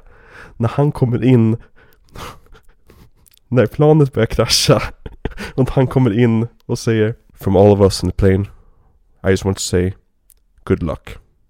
Stänger dörren, går och sätter sig. Fem minuter senare knackar han på dörren igen. From all of us in the plane. I just want to say good luck. Som att han har demens typ och glömt bort att han skulle säga den här dramatiska allvarliga saken. Så han kommer tillbaka och gör det igen. Nu förklarar jag det dåligt men det, det, det är skitroligt. Jag älskar honom i den filmen. Ja, han är ja, ett komiskt geni utan att, som du säger, dra skämt. Ja. Han är rolig för att han ser ut som en helt vanlig gubbe. Han ser ut som den tråkigaste mannen i världen. Mm. Bara ta tillbaka till Scary Movie 4, Mm. där han spelar presidenten. Och så kommer de in och säger Mr President, millions of people are gonna die. Eh, we're under attack by aliens, säger han. People are gonna die regardless of this. Och så läser de en eh, saga om en anka i Mm. skolan och säger han But this duck still has a fighting chance. Och bara levererar det helt seriöst. Och så vänder han sig om tillbaka som att han fortsätter läsa barnsaga. Det är ju en parafra, parafras på eh, George Bush va? precis exakt när han satt och läste barnböcker medan 9-11 hände. Ja. Så mycket sattyg som inte hade hänt i världen om inte den mannen blev president. Alla borde se Vice, tycker jag. Alla borde se Vice. För det är verkligen en film som ger mig kalla kårar. När det kommer till som så här, what if? Tänk om inte Dick Cheney hade blivit vice- vicepresident. Visst är det Sam Rockwell som spelar George Bush? då? Jajamensan, typ den sämsta rollen i filmen. Och Amy Adams är ju med. Vad spelar hon? Eh, Liz Cheney. Jaha. Jag för mig det. Alltså Dick Cheneys fru. Men om vi går in på Amy Adams då? Vad tycker du om Amy Adams, Alexander? Först vill jag veta vad du tycker om Amy Adams, sen vill jag veta vad du tycker om Amy Adams i den här filmen. Det kanske är samma sak, men Nej, faktiskt inte. För att generellt sett, överlag, jag vet inte om jag nämnt det tidigare, men jag har väldigt svårt för Amy Adams överlag. Jag tycker att det är en sån här skådespelerska där jag ser att hon skådespelar hela tiden. Jag ser personen Amy Adams bakom henne hela tiden. Jag liksom aldrig förlorade i hennes roller. Nu hade det inte varit något, något problem, för det är så med många skådespelare. Men hon hyllas också till skyarna som typ vår generations bästa kvinnliga skådis. va? Ja, och då känner jag att dra åt helvete, det är hon inte. Det är som, sluta. Det är trams. Men jag tyckte hon var jättebra i den här filmen. Eh, och jag tycker om hennes Ice Queen-ness i den här filmen.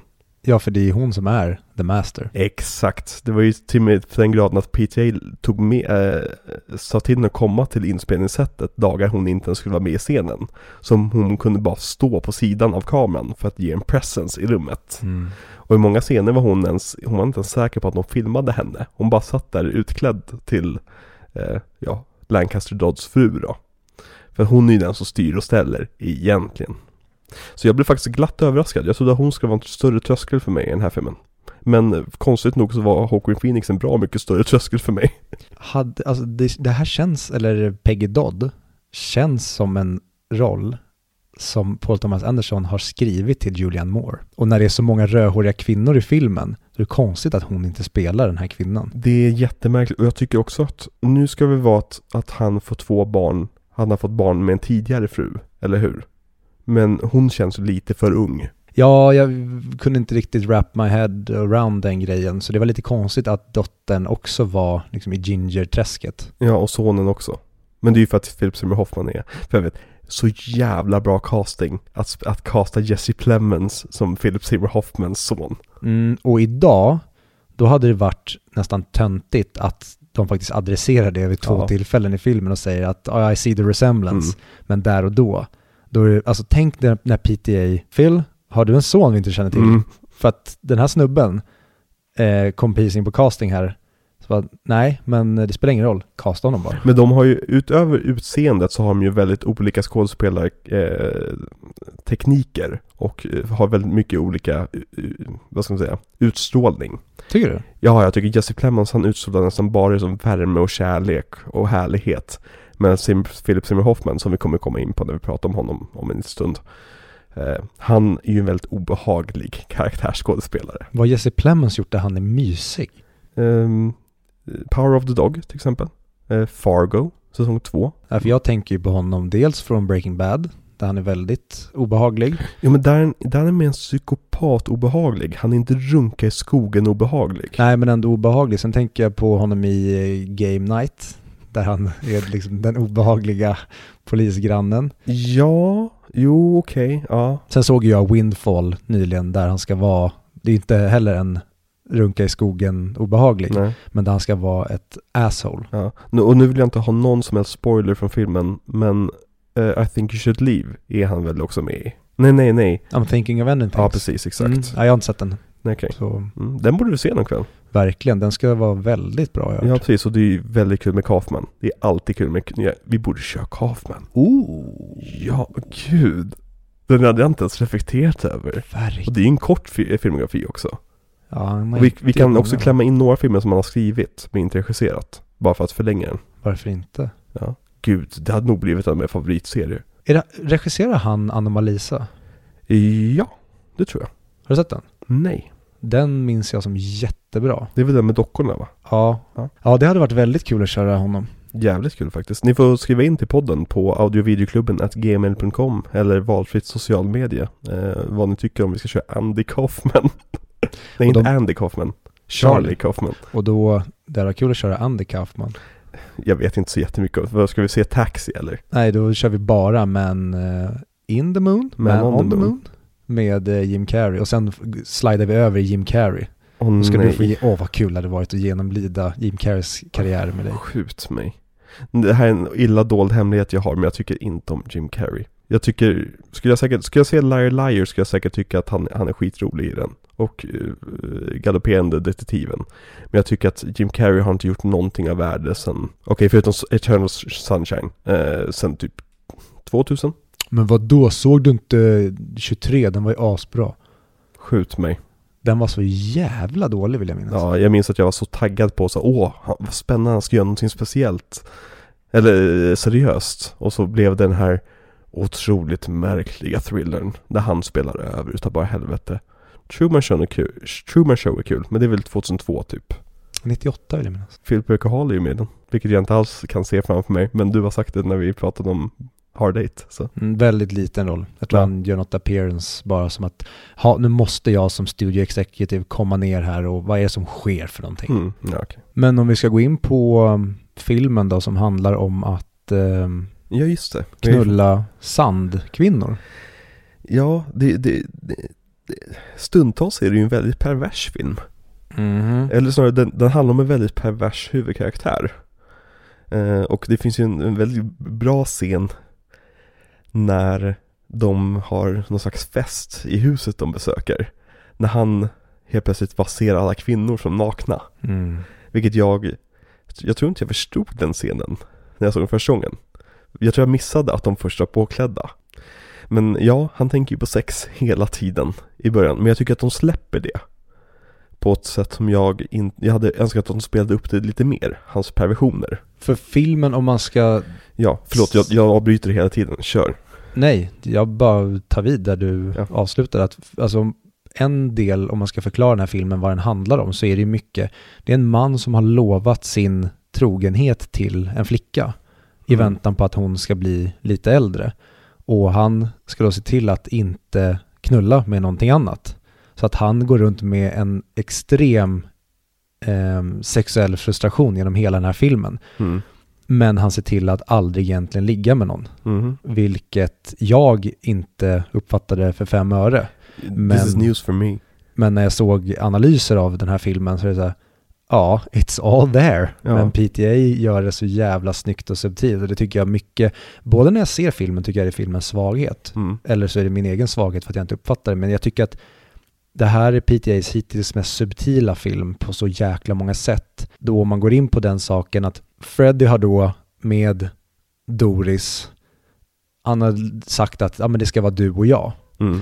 men han ska ut i krig innan och han vill att hon ska bli lite äldre. Mm. För att till och med han fattar att det är lite creepy. Och tillbaka till det du sa med att ja men absolut, det hade varit bättre om man haft en yngre skådis. Mm. Men där började jag fundera på när jag såg filmen att är det bara att han minns, det här är hans minnen. Mm. Och då är han inte yngre i minnena utan han är ungefär samma ålder som han är nu. Men jag vet inte, det kanske inte tyder så mycket på det mer än att ja, nu är han lite äldre än vad hon är och det adresserar de. Och då kanske det bara är lugnt, men till exempel Lena Endres karaktär, hon reagerar inte eller adresserar det så att då kanske inte det är ett problem. Han kanske var mer i hennes ålder, Mm. men att vi inte får se det på det sättet för att det går inte att göra Jacqueline Phoenix till den åldern och då blir det någon slags att det, för att mycket av filmen också handlar om att gå tillbaka i minnen Mm. och då kanske det är en del av att han går tillbaka i sina minnen, men minnen är inte som händelsen var, utan Nej. det är hans projicering av hur minnet var. Mm. Jag skulle säga att den teorin funkar utöver faktumet att det vi ser som nutid, även där är han för gammal tycker jag. Mm. Eh, och de pratar lite grann om honom som att han vore yngre. Men vi, ja, Men ska, ska vi dra filmen lite snabbt, bara vad den handlar om? För vi har varit väldigt luddiga hittills. Ja, Eh, Det handlar om, om, om Freddy som är soldat i andra världskriget som kommer tillbaka och, och helt alkoholiserad. Han gillar att brygga sin egen specialbrygd på olika sätt. Till exempel med foto, fotovätska och etanol och grejer. Eh, thinner, vad heter det på svenska? Tinner, jo. ja. Bland annat. Eh, Och under eh, en kväll när han letar efter sovplats och några att dricka med så råkar han hamna på en båt. Där han möter Philip Seymour Hoffmans karaktär då. Som är en kultledare. Som, den här kulten är väldigt starkt baserad på eh, tidig scientologi. I det här att det är nästan som en pseudoterapeutisk rörelse. Eh, men där det finns lite science fiction element inblandade. De går inte jättedjupt in på det men de alluderar till det hela tiden. Ja, jag tycker inte ens att de går in på science fiction-elementen utan de endast pratar om det, det är så du ska tänka i de terapeutiska sessionerna. Fast när Philip Seymour Hoffmans karaktär blir paranoid Då börjar han fråga folk saker som, som alluderar till att han tänker att det är varelser från andra planeter som har kommit och trakasserar honom. Mhm, vad tänkte du på då? Nej men det, det är någonting han säger till karaktären på festen, någonting. Om liksom att Which Galaxy, någonting och sen blir han avbruten. Eh, jag tycker det, det finns spår där. Och tydligen så, Paul Thomas Anderson och Tom Cruise är ju vänner. Och han, eh, Paul Thomas Anderson visade ju den här filmen för Tom Cruise. Mm. Och Tom Cruise tyckte om den, förutom en scen. Och det är när eh, Lancaster Dodds, eh, Dodd, Todd, Dodd. Dodd. Lancaster Dodds son säger att he's making it all up. Mm. Och det tog Tom Cruise väldigt illa vid sig om. Men tydligen så, Paul Thomas Anderson har sagt att It's okay, Tom is okay, I'm okay, we're friends. Mm. För jag var lite orolig när, jag- när jag började tänka på så här, aha, är det här anledningen till varför de inte har jobbat tillsammans igen? Men eh, tydligen så är allting okej. Och eh, scientologikyrkan har faktiskt inte varit ut ens och svingat mot, mot, mot den här filmen. Vilket jag tror nog är det bästa. För det hade annars blivit Streisand-effekten. Verkligen. För att det minns jag att jag var lite besviken om när jag såg filmen första gången. Jag trodde verkligen att det skulle handla om skapandet av scientologikyrkan. Mm, jag med. För det var så den reklamerades. Exakt, precis. Och sen hade jag inget minne alls av att Lena Endre var med. Åh, återigen till älskar PTA. Att de ska ha släkt i Norge. Mm. Så hon ska ju vara norska. Ja, då tar du en jävligt tung skådis från Norden. Och Lena Endre är ju perfekt för det. Jag skulle säga att det här är hennes bästa roll. Ja, jag kan inte komma på så många roller. Nej men för min relation till Lena Endre är framförallt Lorry och Yrrol. Mm. Och där är hon ju briljant som en komisk karaktär. Mm. Men jag tycker att hon är nog lite granna Hon har blivit misshandlad av svensk film Till exempel i Millenniumtrilogin hon, hon, hon är ju så dålig i den Men det är ju alla också Ja, det manuset är så styltigt. Ja men precis Och jag tror att nu när hon får samarbeta med en riktig regissör Med ett riktigt manus Funkar hon ju hur bra som helst Mm. Ja, för det säger PTA ofta när de frågar honom vad hans uppgift är. mm. Och då är det mycket att, nej men mitt jobb, som jag nämnt tidigare, är att skriva bra och tydliga, alltså det, jag, ska, jag ska inte överförklara för mina skådisar, men när jag väl regisserar när vi spelar in, då är min uppgift att egentligen få dem att keep it simple. Mm. Och det är det han får henne att göra. Att du ska inte hålla på och trycka så mycket i varje ord, vilket man alltid gör i svensk film. Det ska vara som att någon pratar bara och då är du inte du är ganska avslappnad för det mesta. Mm. Till skillnad från, ja men då kan vi ju lägga ner Millennium. Om du ska sitta i fängelse, då, då finns det ingen mening med att vi ska publicera den här tidningen. Det är ett viktiga arbete Mikael. Och så vidare. Eh, Men tydligen så blev hon castad efter att PTA såg henne i just Män som hatar kvinnor. Mhm. Och namnet Solstad som de heter då i efternamn, det fick Endre komma på själv. Eh, Och det tog hon ur bara en random bok med norska efternamn. Och tyckte, tyckte att det lät fint. Kunde de inte typ heta Guleböj? Ja. Juleböj. Åh nej. Vilket, det hade varit tidernas bästa trollning om hon hade fått in det. Ja, men det hade varit väldigt mycket, eh, vad heter idioten? Oscarsgalan. Will Smith, Nej, Amy Schumer, nej. Vad heter idioten? Han svenska, Per. Ja, Per Lernström. Ja, precis. De skämtade ju om Guleböj när de pratade med norrmännen på Oscars, Oscarsgalan. Nu Mm. när vi såg det nyss. Jag säger inte att det är bra, Mm. jag säger bara att det hade varit ett jävla bra trolltrick. Mm. Men här fick mig att vilja säga, åh, kan inte Lena Endre vara med i fler am- amerikanska filmer? Mm. För hon är faktiskt riktigt duktig. Hon har ju varit med i Kingsman 2, då hon spelar drottningen av Sverige. Och jag vill bara, det är Och väldigt Björn roligt. Granat var spelar kungen. Ja, men jag för mig det. Mm. Och jag, jag, jag bara älskar hur Kingsman på något sätt har någon konstig relation till svenska kungahuset. För Mm. att det, är- det, är ju- det är prinsessan av Sverige som är If you defeat the villain We can have sex in the butt when you come back I, i slutet på ettan Vilket är så, ja, det, jag älskar det så här Snacka det, det är så man gör en Bond-parodi Mm, ja, verkligen. Ja, åh, jag vill fan se om ettan. Jag minns den som väldigt, väldigt härlig på många sätt. Vi borde ha en helg om några veckor Där vi ser både ettan och tvåan tycker jag Det hade varit kul. mm. Det är lite grann som när vi såg eh, Now You See Me ett och två Bra filmer. Nej, inte någonstans. Jag insåg det när, jag tror, fan, det var något Harry Potter-avsnitt när vi nämnde Now You See Me. Och vi gick lite för hårt in i ironin. Så det lät som att vi tyckte om de filmerna. Jag vill bara vara väldigt tydlig med att de filmerna är bedrövliga. Alltså, det, ja, jag, jag får inte ihop det hur människor kan tycka att de är bra. Nej. Alltså de he- jag, jag hänger ibland på 9gag när jag har tråkigt. Och liksom bara sitter och scrollar en stund. Och de där filmerna, de dyker alltid upp på så här listor över mindfuck-filmer som är skitbra som du kanske har missat. Så här, Now You See Me 1 och 2. Alltså det, det, det är ju filmer som tror att de är avancerade och som tror att de är smarta och, och, och som fyndiga. Men som är den mest blajiga skiten någonsin. Och när du har, när du har det här briljanta konceptet, liksom med magiker som använder sina illusionstrick för att råna folk och grejer. Och så ändå ska du klämma in massa jävla CGI och omöjliga tricks. Där det enda förklaringen till att de lyckas göra, göra tricket är att det är med i en film. Då tappar du ju hela grejen. Hela syftet med en heist heist-film är ju att du i slutet ska säga Jaha, så det var så de gjorde det. Mm. Men, men hur förklarar du att de flyger i såpbubblor? För att filmen blev Harry Potter, Ja, typ. ja. Ja, shit. Nej, vi ska inte ägna mer tid åt den. Men eh, vart var vi någonstans? Eh, vi skulle förklara filmen, plotten på filmen.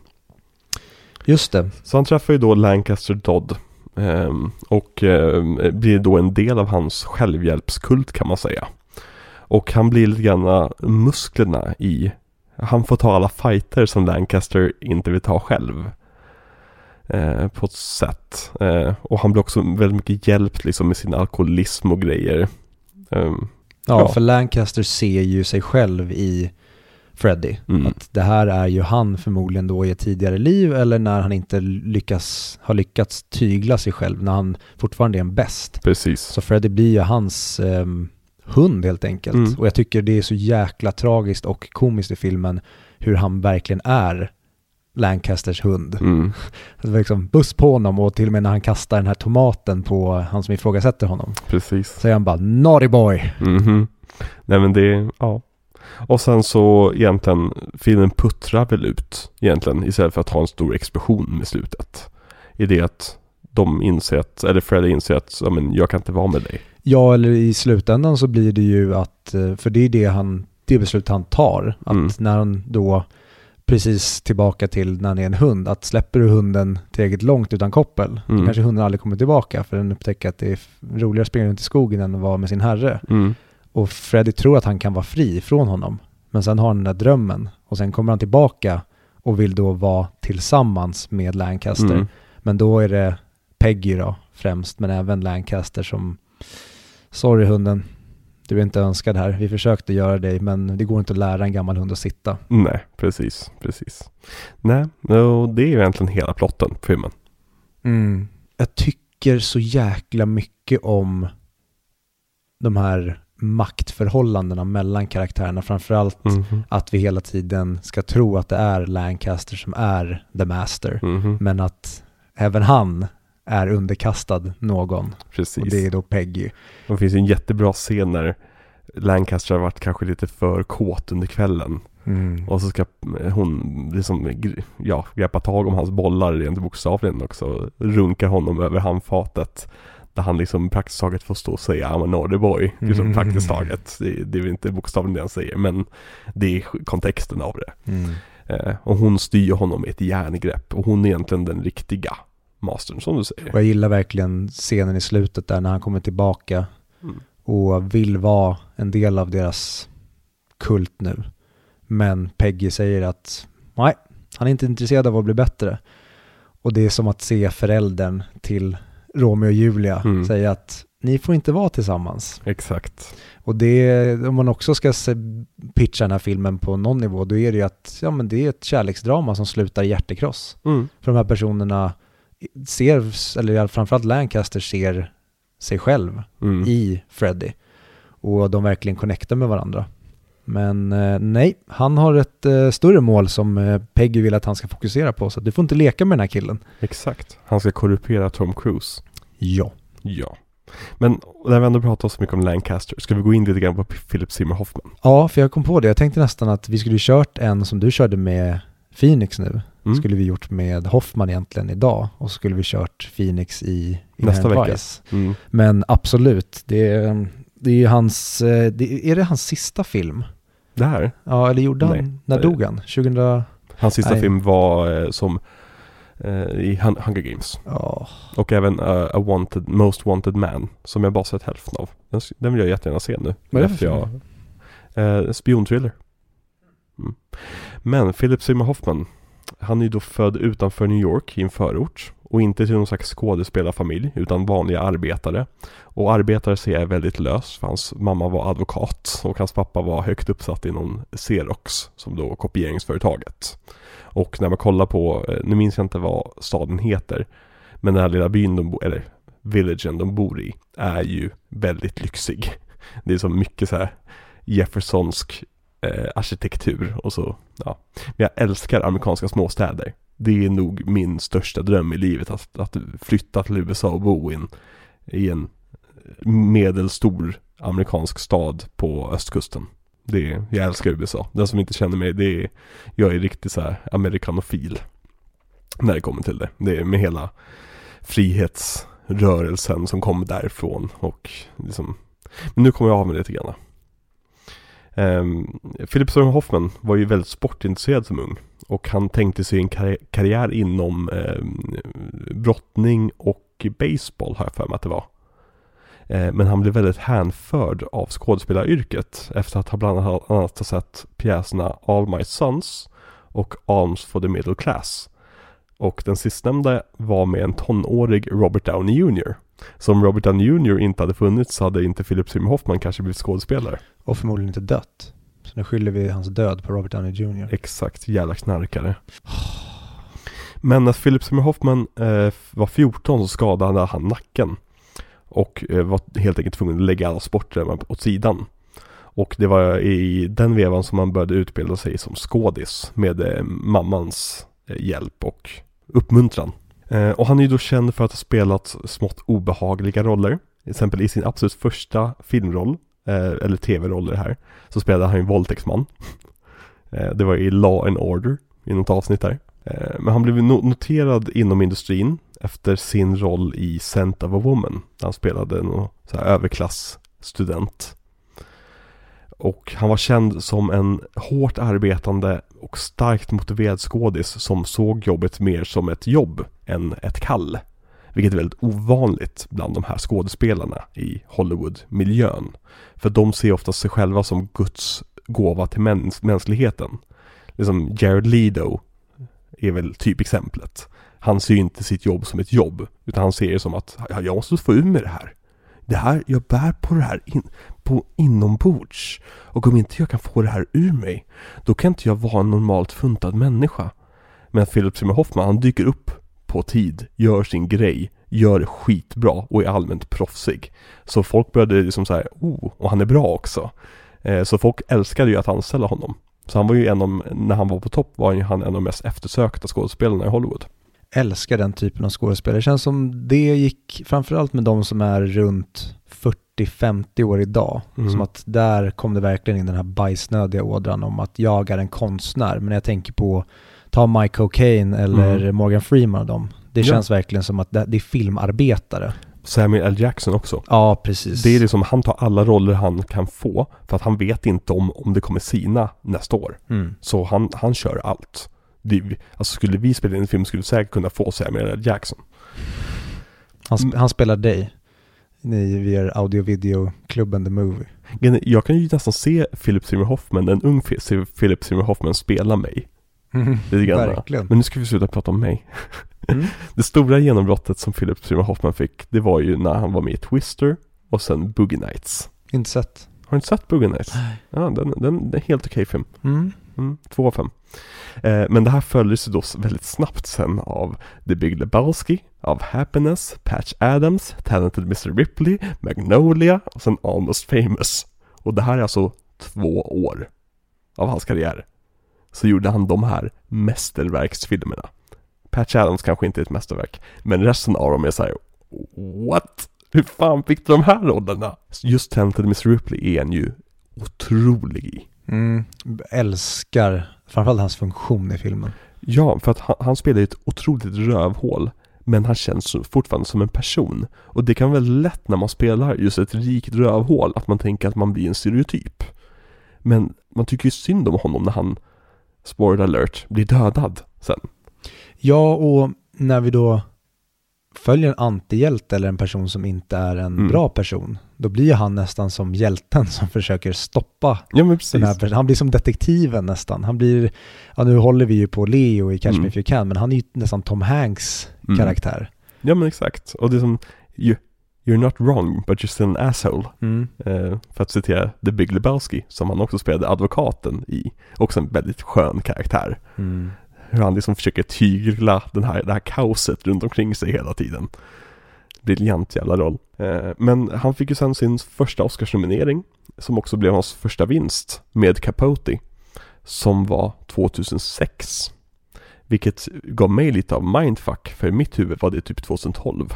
Men jag har fortfarande inte sett Capote. Jag minns den lite som The Darkest Hour, att insatsen han gör, skådespelaren, Mm. är fantastisk. Men att filmen kanske egentligen är medioker, men att den verkligen vilar på... Det är en skådespelarfilm helt enkelt. Mm. Ja men verkligen, mycket huffing and puffing. Mm. Mm. Och som jag tror jag nämnde i något avsnitt att jag vill slå Philip Seymour Hoffman på käften så fort han öppnar munnen som Capote för han pratar så himla jobbigt i den. Det är ju min största tröskel till den filmen faktiskt. För att jag tycker så mycket om Philip Seymour Hoffman när han är lite nedtonad. Eh, och vad jag förstått det som så Capote var inte en särskilt nedtonad man. Nej. Ehm, så det är lite om tröskeln, men jag ska se den någon dag. Mm. Ehm, för att nu efter den här filmen blir jag väldigt Philip Seymour Hoffman kär och känner att jag vill se allt han har gjort. Ehm, men även efter Oscarsnomineringen så fortsatte han ju spela väldigt obehagliga roller. eh, men också blandat lite grann med lite så här ja, äldre män med tveksam, tve, tveksamma liksom, motivationer men som ändå är vänliga och snälla och liksom ro, rogivande. Man spelar ju till exempel skurken i eh, Mission Impossible 3. Och han spelar också en pedofilpräst i Doubt. Eh, som han också blev Oscars-nominerad för en gång till då. Den har jag sett men jag minns inte någonting nu när Mm. du nämner den. Amy Adams, Meryl Streep. Och jävlar jag måste kolla upp den här för den, jag minns den som väldigt bra. Jag såg den aldrig, eh, men jag minns att jag tyckte att den såg ut som så här renodlad Oscarsfilm. Mm. Eh, Men han har under hela sin ungdom haft en relation till droger och alkohol. Eh, Men han blev då nykter efter att han gick ut scenskolan, 89, och var nykter i 23 år. Men, som du var inne på förut, så när eh, framgången med The Master kom, så ramlade han av eh, och föll tillbaka i gamla va- vanor helt enkelt. Men han försökte och la in sig själv på rehab. Där han var i tio dagar. Vilket i mina öron så att det är ingenting. Du skulle varit där i ett år. Mm. För det som hände sen är ju då att han dör 46 år gammal. Eh, I februari 2014. Och han hittas ju då av sin vän, eh, sin väldigt gode vän, som det också gick rykten om att han hade ett kärleksförhållande med. Eh, David Barr Katz tror jag uttalas. Han hittades då med en spruta i armen. Och rättsläkarna fastslog att han hade dött av en överdos av heroin, kokain, bensodiazepiner och amfetamin. Det är mörkt. Är- ja, mörkt. Också en, ett jävla party. De drogerna samtidigt. Mm. Men ja, otroligt jävla mörkt och ett otroligt, så, sånt otroligt tragiskt slut på en sån briljant skådespelarkarriär. Och speciellt nu när han började bli äldre och kunde spela the master-roller. Ja. Jag sörjer nästan varje gång det kommer en ny som stor film. Tänk dig om han hade med, varit med i Oppenheimer. Mm. Eller spelat en, en, bara en av agenterna i Tenet. Nu tog jag upp två Nolan-filmer, låter som världens mest klyschiga filmnörd. Men det som, förstår jag vad jag menar? Att han hade kanske, jag hade inte nödvändigtvis behövt honom i de stora Oscarsvinnande rollerna. Men bara att veta att han kunde dyka upp lite här och där. Tänk att typ sett honom i The Irishman. Ja, ja men precis. Exakt, exakt. CGI-ad. Ja, det var han ju i sin sista film. Ja. Ja, när han spelade, de spelade ju in Hunger Games-filmerna. Men de hade ju inte spelat in allting. Så i sista Hunger Games-filmen så är det eh, lite ADRs som är opassande och eh, Ah. lite CGI-sekvenser med honom och så vidare. Eh, men jag vill läsa upp ett citat från eh, Rolling Stone Magazine om just, som, som de publicerade då efter att han dog, om vad det är för speciellt med Philip Seymour Hoffman. Varför han funkar så jävla bra. Är du okej med det?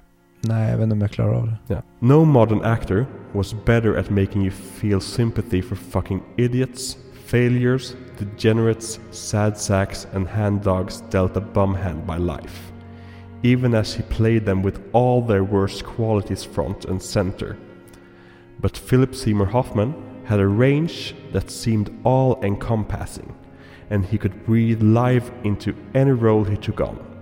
A famous author, a globe-trotting party boy, boy aristocrat, a German counterintelligence agent, a charismatic cult leader, a genius who played games of death in dystopic futures. He added heft to low-budget budget art films and nuance and unpredictability to blockbuster franchises. He was a transformative performer who worked from the inside out, blessed with an emotional transparency that could be overwhelming, invigorating, compelling, devastating. Och det tycker jag sammanfattar hela hans jävla karriär så fint. Verkligen. Och samtidigt som du läser upp det här nu så spelar vi filmen bredvid. Och det är scenen när han håller tal efter att eh, hans dotter har gift sig och han pratar om att Mm. fånga in draken och få den att eh, rulla runt. Och det är nonsens det han pratar om. Alltså i slutändan. Jag satt och försökte tänka så här, vad fan snackar här, han här om? Ja, men symboliskt i filmen sen blir att det är Freddy han pratar om. precis exakt. Men, där för- och då är det bara att han drar någonting i röven. Exakt. För att han bara är karismatisk och alla bara vill höra på honom när han babblar. Precis. Och det där var ju då David Fear från eh, Rolling Stone Magazine som jag citerade. Men det är ju så att han lyckades alltid hitta de här rollerna som var operfekta. Alltså där karaktärerna var operfekta. Som alltid var fyllda av brister och dåliga mänskliga kvaliteter, kvalitet, kvaliteter. Men lyckades ändå få oss att sympatisera med dem. Mm. Återigen, nu har ju du inte sett Happiness. Men det är ju hans, liksom, en av hans värsta karaktärer. Men även där har man sympati för honom. Man tycker synd om honom när det sen går dåligt för honom. Jag bara, ja, nej, tänk, tänk vad den här mannen kunde ha gjort. När han, nu när han också fick lite extra framgång med The Master. Mm. Det är, ja, Men det är intressant också att den ändå lever kvar i filmnördskretsar med ett väldigt, väldigt bra rykte. oh ja. När den gick så jäkla dåligt ekonomiskt. Mm. Ja, den, den förlorade ju nästan halva sin budget. Mm. Jag tror den kostade tre, eh, 30 miljoner och drog in eh, någonstans runt 20. Jag tror den- 36 och sen 20. Har för mig. Vilket kul för vi tänker så här, ja men det är inte så mycket, det är bara 16 miljoner dollar. Jo, jo, men det är 160 miljoner svenska kronor. Det är typ 100 svenska filmer. Ja, och tumregeln är väl att du ska ungefär dubbla din budget för att se det som en bra alltså Mm. framgång. Precis. Nej men dubbla din budget för att gå, gå plus minus noll. Mm. För att det är inte bara filminspelningskostnaderna utan det är även marknadsföringskostnader och liksom lullet runt omkring. Det där stör jag mig på att det separeras. Ja, men det är ju Hollywood accounting. Det är ju för att de ska kunna säga eh, till investerare att vi tjänade inga pengar på det här så du får inga pengar tillbaka. Så jävla märkligt. Ja, det, vi skulle kunna göra ett långt jävla stickspår om Hollywood accounting någon gång när jag förberett mig bättre med lite exempel och så vidare för det är en väldigt intressant värld. Men han blev i alla fall nominerad eh, fyra gånger. Best Actor för Capote, den vann han. Och sen så blev han också nominerad för Charlie Wilsons War, eh, Doubt och sen The Master. Och alla de var då Best Supporting Actor. 2008 förlorade han mot Javier Bardem i No Country for Old Men. Vilket jag känner så här, ja, fair enough. Eh, 2009, vem förlorade han mot då? Heath Ledger. Ja. Fan, jag tänker, vad heter det, filmår? Jag bara, vilka filmer kom 2009? Så, just det, det är 2008. Och återigen, fair enough. Och 2013 förlorade han mot Christoph Waltz i Django Unchained. Fair enough. Och det var egentligen allting jag hade om Philip Seymour Hoffman. Vad har du för relation till honom? Vad tycker du? Vad, vad är hans favoritroll i dina ögon? Jag vet inte, jag har alltid tyckt väldigt mycket om honom men jag har ingen direkt superrelation till honom. Det är ingen roll som jag tänker, ja ah, shit den där. Utan han är alltid bara bra och jag Mm. tycker alltid bara om att se honom i alla grejer han är med i. Och framförallt han verkade som en hyvens jävla snubbe Mm. och jag tycker väldigt mycket om att han och PTA hade ett väldigt vänskaplig relation, att de verkligen var buddies på riktigt och PTA har sagt det att, ja men vad fick dig kanske att inspireras och skriva det här, den här berättelsen? Och han säger det att, nej men en stor del av det var att jag bara alltid vilja jobba med eh, Philip Seymour Hoffman. Och säga, ja, ja, jag vet, han har varit med i typ alla mina filmer hittills. Men jag har alltid velat jobba med honom där han är stjärnan, där filmen kretsar kring honom. Och då blev det nästan som att jag skrev en roll till honom, för jag hade alltid honom in mind för Lancaster Dodd. Ja, och det är det som är lite ledsen om vilken riktning den här filmen tog. För att hade det varit så att det här hade varit hans film så hade jag varit så mycket mer nöjd med det. Och fatta om Philip Seymour Hoffman hade fått en roll helt och en film helt skräddarsydd till sig av Paul Thomas Anderson idag. Ja, det är nästan, okej jag ser faktiskt mycket hellre då en eh, PTA och Tom Cruise film än en Philip Seymour Hoffman om jag ska räkna bort att han är död. Mm. Men såklart att önska tillbaka någon i livet väger ju tyngre. Mm. Men jag är mycket, hade varit mycket mer intrigued av en Tom Cruise-rulle än en eh, Philip Seymour Hoffman. För han, han fick ändå Mm. sin huvudroll, sen blev det en biroll, men det är ändå han som är filmens stjärna tycker jag. Ja. Men och sen, Tom Cruise har haft en väldigt, väldigt lång karriär. Ja, jag vet inte om man ska kalla den lång. Han har haft en jävligt lång stuntkarriär Mm. eh, och en lite kortare filmkarriär. Han Ja. slutade ju typ skådespela i början på 00-talet där. Jag skulle säga 2008. Jag skulle säga att Valkyrie nog sista gången han försökte. Inte för att den är särskilt bra, men han försökte i alla fall. Den, det är inte att han springer runt. Liksom hela filmen. Nej. Så efter det har han bara gjort actionfilmer.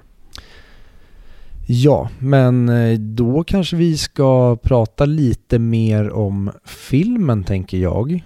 Ja, Och då undrar jag direkt, är det någon del du vill prata om som du känner är värd med att prata om? Eller kanske rättare sagt någon linje? För den här filmen har så otroligt många linjer samtidigt. Det finns väldigt många olika spår att prata om som ändå är filmens kärna som vi har varit inne på Mm. tidigare. min favoritdel av filmen det är när de är i Phoenix, ska jag säga. Och de håller på med bokreleasen. Hmm. Jag vet inte varför den... Det, jag har lite svårt för vissa miljöer i den här filmen. Eh, ökenmiljöerna till exempel. Eh, har jag lite svårt att ta till mig. Ehm, mest på grund av att jag tycker att fotot är väldigt kallt. Och, och nu kan jag gå på ett stickspår om fotot här. Ja men kör det för att det här är ju den första filmen som Robert Elswit inte fotar. Ja, och det, vad heter han, Mihail Mihailovic. Något sånt där. Ja, något, ja. Mihailo Mihailovic säger vi fotar den här filmen. Kolla. Hade det här varit vilken annan filmskapare som helst och vilken annan film som helst hade jag sagt att fotot är gudomligt snyggt. Men nu kan jag jämföra med There Will Be Blood och allt det roliga de gjorde med det fotot. Alla de här roliga liksom, tagningarna och liksom, sättet de filmade på. Och det känns som att varenda gång Paul Thomas Anderson frågade Mihail, eller vad han heter, gud, Mihailo Mihailovic. ja, han heter inte så men okej. Nu heter han så. Nu heter han så. Det känns som varje gång Paul Thomas Anderson frågade Mi- Mihailo Mihailovic Vad är din idé för den här tagningen? Då var svaret högupplöst. Okej, ja men nästa tagning. Vad, vad, vad är din idé här då? Högupplöst? Okej, okej. Den här scenen när de ska gräva upp en, en skattkista i öknen. Vad, vad tänker du där? Högupplöst. Och ja, det här är gorgeous jävla foto på 70 mm och det är jättekrispigt, supersnyggt. Men jag tycker bara, jag, jag, tyck, jag blev uttråkad av det här fotot jämfört med Robert Elswits briljanta superarbete i eh, There Will Be Blood. Jag tycker alla PTA-filmer Mm. är, är fotot mer intressant än i den här. Mm. Men precis som du säger, om fotot är 10 av 10 i de andra, då är det här 9 av 10. Ja. Så det är fortfarande fucking gorgeous. Mm. Men jag håller verkligen med dig. Och jag tycker det är märkligt när vi ändå har igen, sen ja den andra filmen utspelas i 50 år innan den här filmen, Mm. men ändå. Varför inte göra ett foto som ser mer 50-taligt Ja. ut när du ändå har chansen? Och då har väl du kanske förklaringen i att Robert Elswit ehm, ryktas om att de inte längre är buddies. Ja men precis, och att det var kanske lite high maintenance. Och att han att Paul Thomas Anderson helt enkelt tog in en fotograf han kunde kontrollera. Till filmens eh, nackdel, ska jag säga. För att som med de flesta absolut bästa skapande processerna så blir det som absolut bäst när två stycken viljor får mötas mot varandra och gn- gnuggas mot varandra och så tar man det bästa från vardera värld. Det är som du har Lennon McCartney, du har Simon och Garfunkel, Du har Alex Victor. exakt. Men, men liksom det, det finns någonting där. i Nej, jag skulle sagt du har Victor och Billberg. Harakiri. Ja, tack. Kan vi inte avsluta med Harakiri? Nej. Ehm, nej men eh, så det är liksom Det är väl min take på fotot. Ehm, så hade det här varit med i en Marvel-film så hade den vunnit en Oscar. Liksom. Mm. så att säga. Nej men jag tycker bara det, det känns kallt och det känns opersonligt. Och det känns väldigt matter of fact. Nu får vi det gjort. Mm. Ja, jag, jag, jag håller med dig. Mm. Och nu låter vi gnälligare än vad Ja. vi är. Det här är att egentligen säga att fan att vi inte fick en till Elswit-fotad film för det hade varit... Det får vi nästa vecka. Ja, just det. Inherent Vice fotad av Elswit.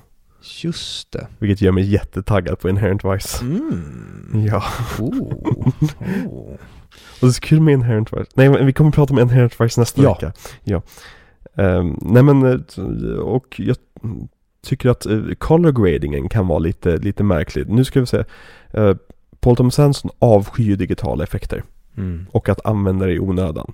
Och vid den här tidpunkten så var det verkligen så att okej men all color grading du gör är digital color grading. Men han vill ju istället hålla på med massa kemikalier och grejer. Vilket gör så att vissa scener blir görsnygga när det kommer till färgsättningen.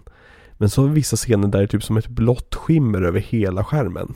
Och det känns, det känns nästan amatörmässigt. Och jag förstår att det är mycket ljus i de här scenerna. Att det är svårt att få till med bra color grading.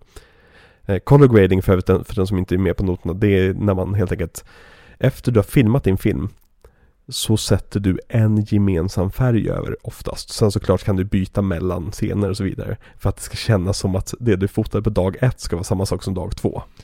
Ja, och det här var en av de grejerna som jag blev helt mindblown över när jag pluggade film. Mm. Att sätta sig, för då tänkte jag att jo men det är väl bara lägga på ett filter över hela. Oh no, no, no, no, no, no. Nej. Att du verkligen måste ta en bild och då måste du hitta rätt nyans. Och då har du ju den första bilden du gör, Mm. det är ju den nyansen du sen måste följa då, framförallt om du ska fortsätta med samma scen Mm. och bara byta då från en vinkel till en annan. Och sen att tro att du, det är precis när man redigerar en bild och tänker att jag ska bara redigera det här. Och sen inser man att jag har snurrat bort mig själv på vägen. Mm. Att börja med den första bilden och color grada den och sen lägger du nummer två. När du är på bild nummer fem, sex, Mm. 30 och går tillbaka till ettan, då kommer det förmodligen se helt olika ut för du har ingen aning om. Så du måste nästan gå tillbaka och ha ettan som en referens hela tiden. Ja. Och det var en sån här grej som jag aldrig hade tänkt på att Nej. just det, så här måste man göra. Jag trodde det var lätt att få filmen att se sexig ut. Och fatta att göra det med biolog, alltså med kemiska medel. För du kan inte ens kontrollera att det blev rätt. Nej, det är... Åh, oh, eh.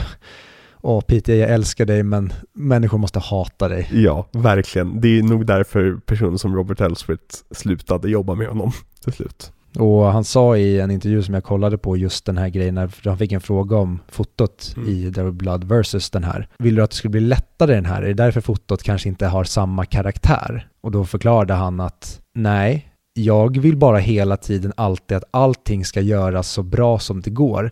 Och när vi har manuella och icke-digitala redskap när vi gör film, Mm. då väljer jag det ända in i döden, eller Mm. så, så långt som det bara går. Sen såklart kan man lösa det med andra grejer som CGI-grodor i Magnolia till exempel. Eller ta bort telefonstolpar i There Will Be Blood. Precis. Men så långt som det bara går vill jag göra det så filmiskt som de gjorde back in the day. Som, och det älskar jag honom för. Men jag tror att andra hatar honom för det. Ja, jag tror att det är jättekul för oss som sitter och kollar på det. Jag tror att det är dö trist för de som måste jobba med det. Ja, det kan jag älska så mycket med filmskapare som bara tar Tarantino också, eller tar Mm. även Christopher Nolan som fotar sina filmer på film och inte digitalt. Att, men de här filmerna ska ju leva vidare.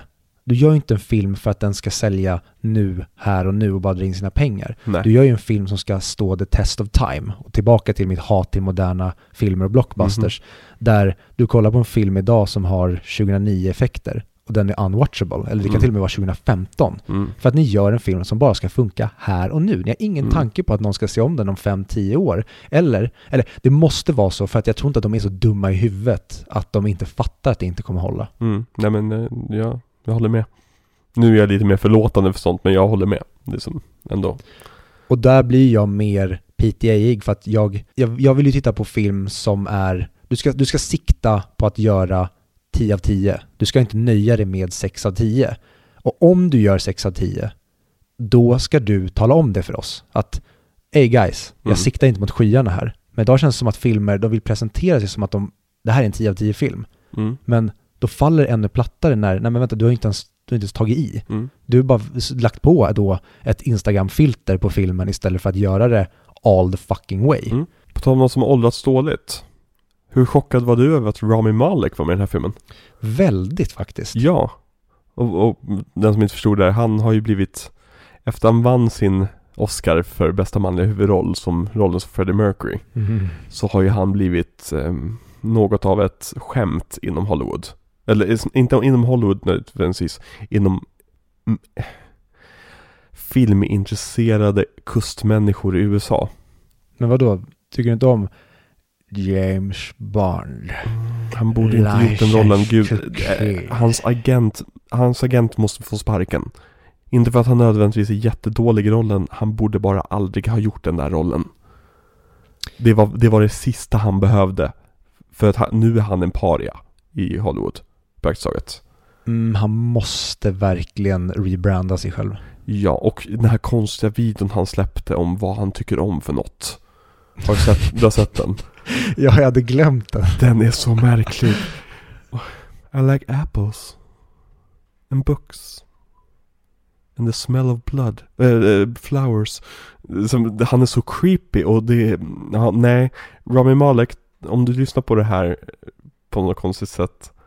Ta det lugnt. Jag vet att du ska vara med i Oppenheimer. Men det är lugnt. Alla ska vara med i Oppenheimer. Så det är, Det är helt bisarrt. Alltså det är så här. Eh, Okej, okej, vänta, vi ska spela ett litet spel. Är den här personen med i Oppenheimer på riktigt eller drar jag bara ett namn i röven?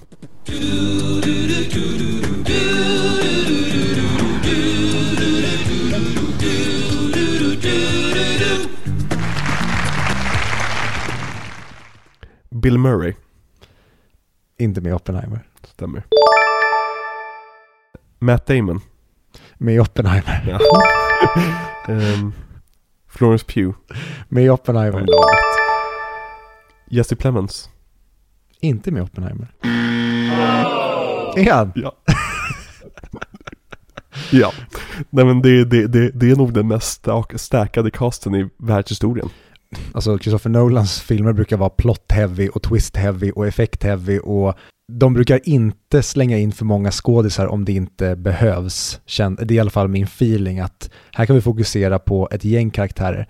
Men jag förstår inte, alltså ska vissa bara vara med i bakgrunden? Ja men all- det, det måste ju vara på den nivån att han, han typ fyller ut extra, extras. Alltså statister med kända skådespelare vid det här laget. ja men det är nästan som att han har castat massa, att det ska vara någon punkt där det är massa politiker. Ja, kanske. Där de bara ska vara med i till exempel något jävla war room eller de, de, Mm. de har någon diskussion. Ja. För på det, någon annan grej kan jag inte tänka mig, jag förstår inte om inte den här filmen ska vara fyra timmar lång. Mm. Men eh, ja, alltså Christopher Nolan, du, du, du får göra en film med CGI-bajskorvar för mig. Det, det spelar ingen roll. Alltså det är så tr- tråkigt idag att hylla Christopher Nolan, Mm. men Men han gör ju så intressanta filmer. ja. Alltså bara, bara sitta och liksom, bara, ibland gillar jag bara sitta och tänka på Tenet. mm.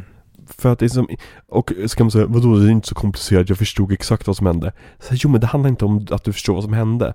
Det handlar om att du ska greppa hur en byggnad sprängs och sen så inte sprängs och sprängs samtidigt.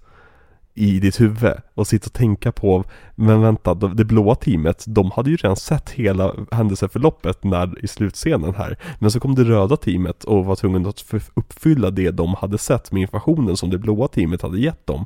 Och eh, Aaron Taylor Johnson kommer och säger Temporal Pincer Movement och, och det, jag älskar Tenet. Jag med. Det var verkligen en film när jag såg den första gången kände jag att äh, okej, den var cool och ball, men jävlar vad besviken jag är. Den första Christopher Nolan-filmen tror jag där jag verkligen är besviken. Mm. Men sen såg jag om den och sen såg jag om den och nu kan jag bara knäböja. Mm. Jag tycker det är en fantastisk jävla blockbuster. Du hade väl kanske lite reaktion, samma reaktion till den som jag hade till Interstellar? I det att första gången jag såg den så sa jag, ja men jag tycker det här är bra men jag hade förväntat mig mer. Mm. Och sen för varje gång jag ser den så bara, jaha, nej vänta, det fanns redan här, det jag Mm. letade efter. Okej. Ja, man blir nästan ibland overwhelmed samtidigt som man blir eh, besviken. Mm. Känns som att, var det inte mer än det här? Men det är nästan som att man är översköljd av för mycket. Så man, det blir som en blöt filt, man kan inte ta in någonting knappt. Mm. Ja men precis, jag måste liksom se den flera gånger och då Världens tråkigaste trope så här, "Ja, men om inte jag greppar filmen första gången jag ser den det Varje gång vi ska prata om någon som inte förstår det här så gör vi dem alltid lite smått utvecklingsstörda Men det är en del av grejen Och så heter den Kenny, ja, precis. det stämmer vi nu. Nej, om inte jag, jag heter Kenny, eh, om inte jag förstår filmen första gången då har den ju misslyckats. Så här, jo, men tycker ni inte att du att det är kul med film? Fast Alltså, det, det säger ju Nolan, och det är också en kritik han har fått, att Mm. så här, ja men då ska man behöva se om dina filmer? Ja, ja. han gör inte film för att du ska, här, jag ska se den under, på första gången, mina förutsättningar, jag vet inte vem det här blev nu, nu blev det typ Jonathan från Östermalm eller Ja. någonting.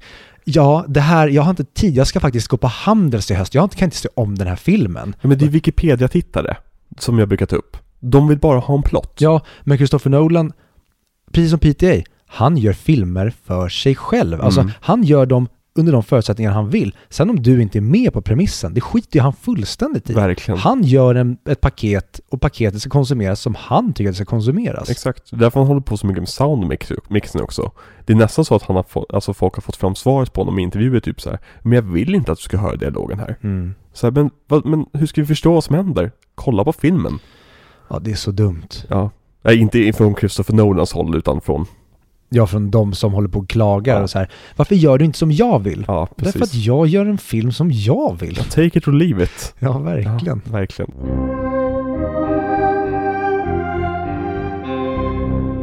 Jag vill, jag vill prata om en annan aspekt med den här filmen. Mm. Ehm, eller inte just kanske om nödvändigtvis om den här filmen, men en annan väldigt häftig person i Hollywood. Megan Ellison och Anna Perna Pictures. Mhm. För att en, okej vi kan, det kanske, vi kanske har lyssnare här som inte alls förstår hur sånt här funkar, men en film behöver ju finansieras. Och en film eh, finansieras med investeringar, precis som en aktie kan man se det som. Det är personer som lägger in pengar och som sen vill ha tillbaka de pengarna, Mm. helst med vinst.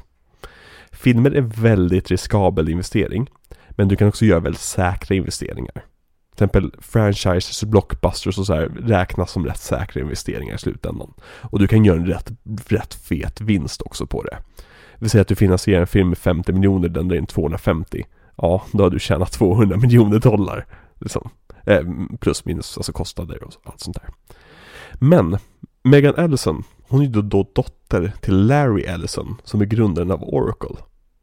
Och då känner ni, Oracle, vad är det för något? Jag Det är ju hon i Matrix. Ja, precis. Nej, nej. Det är ju eh, Batgirl när hon blir paralyserad efter att Yoga skjuter henne i ryggen. Flög rakt ur mitt huvud. Okej, ja nej det är precis det som händer med Batgirl i serietidningen. Hon blir skjuten av Jokern och blir paralyserad och måste sitta i rullstol resten av sitt liv.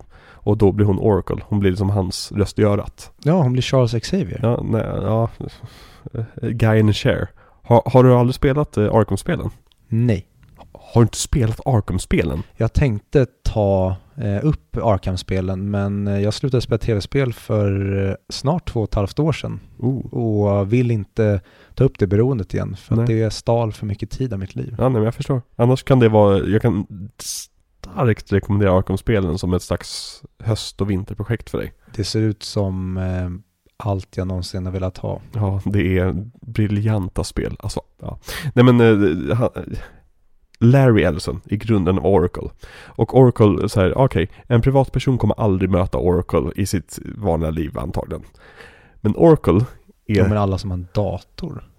ja men Oracle är ett av de absolut mest, eh, en av de absolut största IT-bolagen om vi ska hårdra det. Nästan alla system du någonsin använt har en grund i Oracle på något sätt eller annat. Och han är den tionde rikaste människan på den här planeten. Med en personlig förmögenhet på sådär 89 miljarder dollar. En personlig förmögenhet på 89 miljarder dollar. Eh, så Megan Ellison är då hans dotter. Hon är då född 1986, vilket också är sjukt att tänka på. Och hon, har, hon gick ju då filmskola och var alltid lite så här filmintresserad. Och hon eh, tänkte från början att hon skulle ha en rätt vanlig filmbranschkarriär. Där hon till exempel jobbade som eh, boom operator, vad heter det? Eh, mickhållare. Ja, men bara se till att liksom ljudet tas upp ordentligt i scener och så vidare. Eh, hon, eftersom hon är snorrik, eftersom hon har pappas pengar på många sätt, så finansierade hon då olika små indies. Men efter att hon hade finansierat filmen True Grit, som både blev en eh, finansiell success som jag förstått det rätt, och även en Oscars darling. Så- Remake va? Ja, precis. Remake. Med eh, Matt Damon i en väldigt intressant roll. Coen-bröderna va? Mhm. Just det. Som sagt, Coen-bröderna. Vi, vi måste ta oss an dem på något sätt i framtiden tycker jag. Också en Coen-bröderna-film jag såg och bara, nej, Ja. den, den, den var bra men nej, Mm. de, de, de penetrerar inte min eh, gubb-armor. Du får eh, smörja in det ordentligt någon dag så ser vi någon bra Coen Brother-film. Mm. Men på grund av att True Grit gick så jäkla bra, alltså den blev otroligt hyllad och den drog in pengar och så vidare, så lät hennes pappa få henne större tillgång till sin plånbok. Och hon producerade bland annat Lawless, som jag tyckte var en jättebra film. Med, eh, vad heter han, Jason Clark Clark. och Tom Hardy. Jason Clark har försvunnit lite. Han var med jättemycket förut, han har nog ha tagit en väldigt strategisk break. Han är med i Oppenheimer. Ja men det är klart han är. Shi- Shia LaBeouf är ju med i Lawless också. Mm. Jessica. Chastain. Jessica Guy Chastain. Pearce gör Guy en Pearce. väldigt bra skurkroll. Mm. Nej men är bra film. Verkligen. Handlar om eh, bootleggers.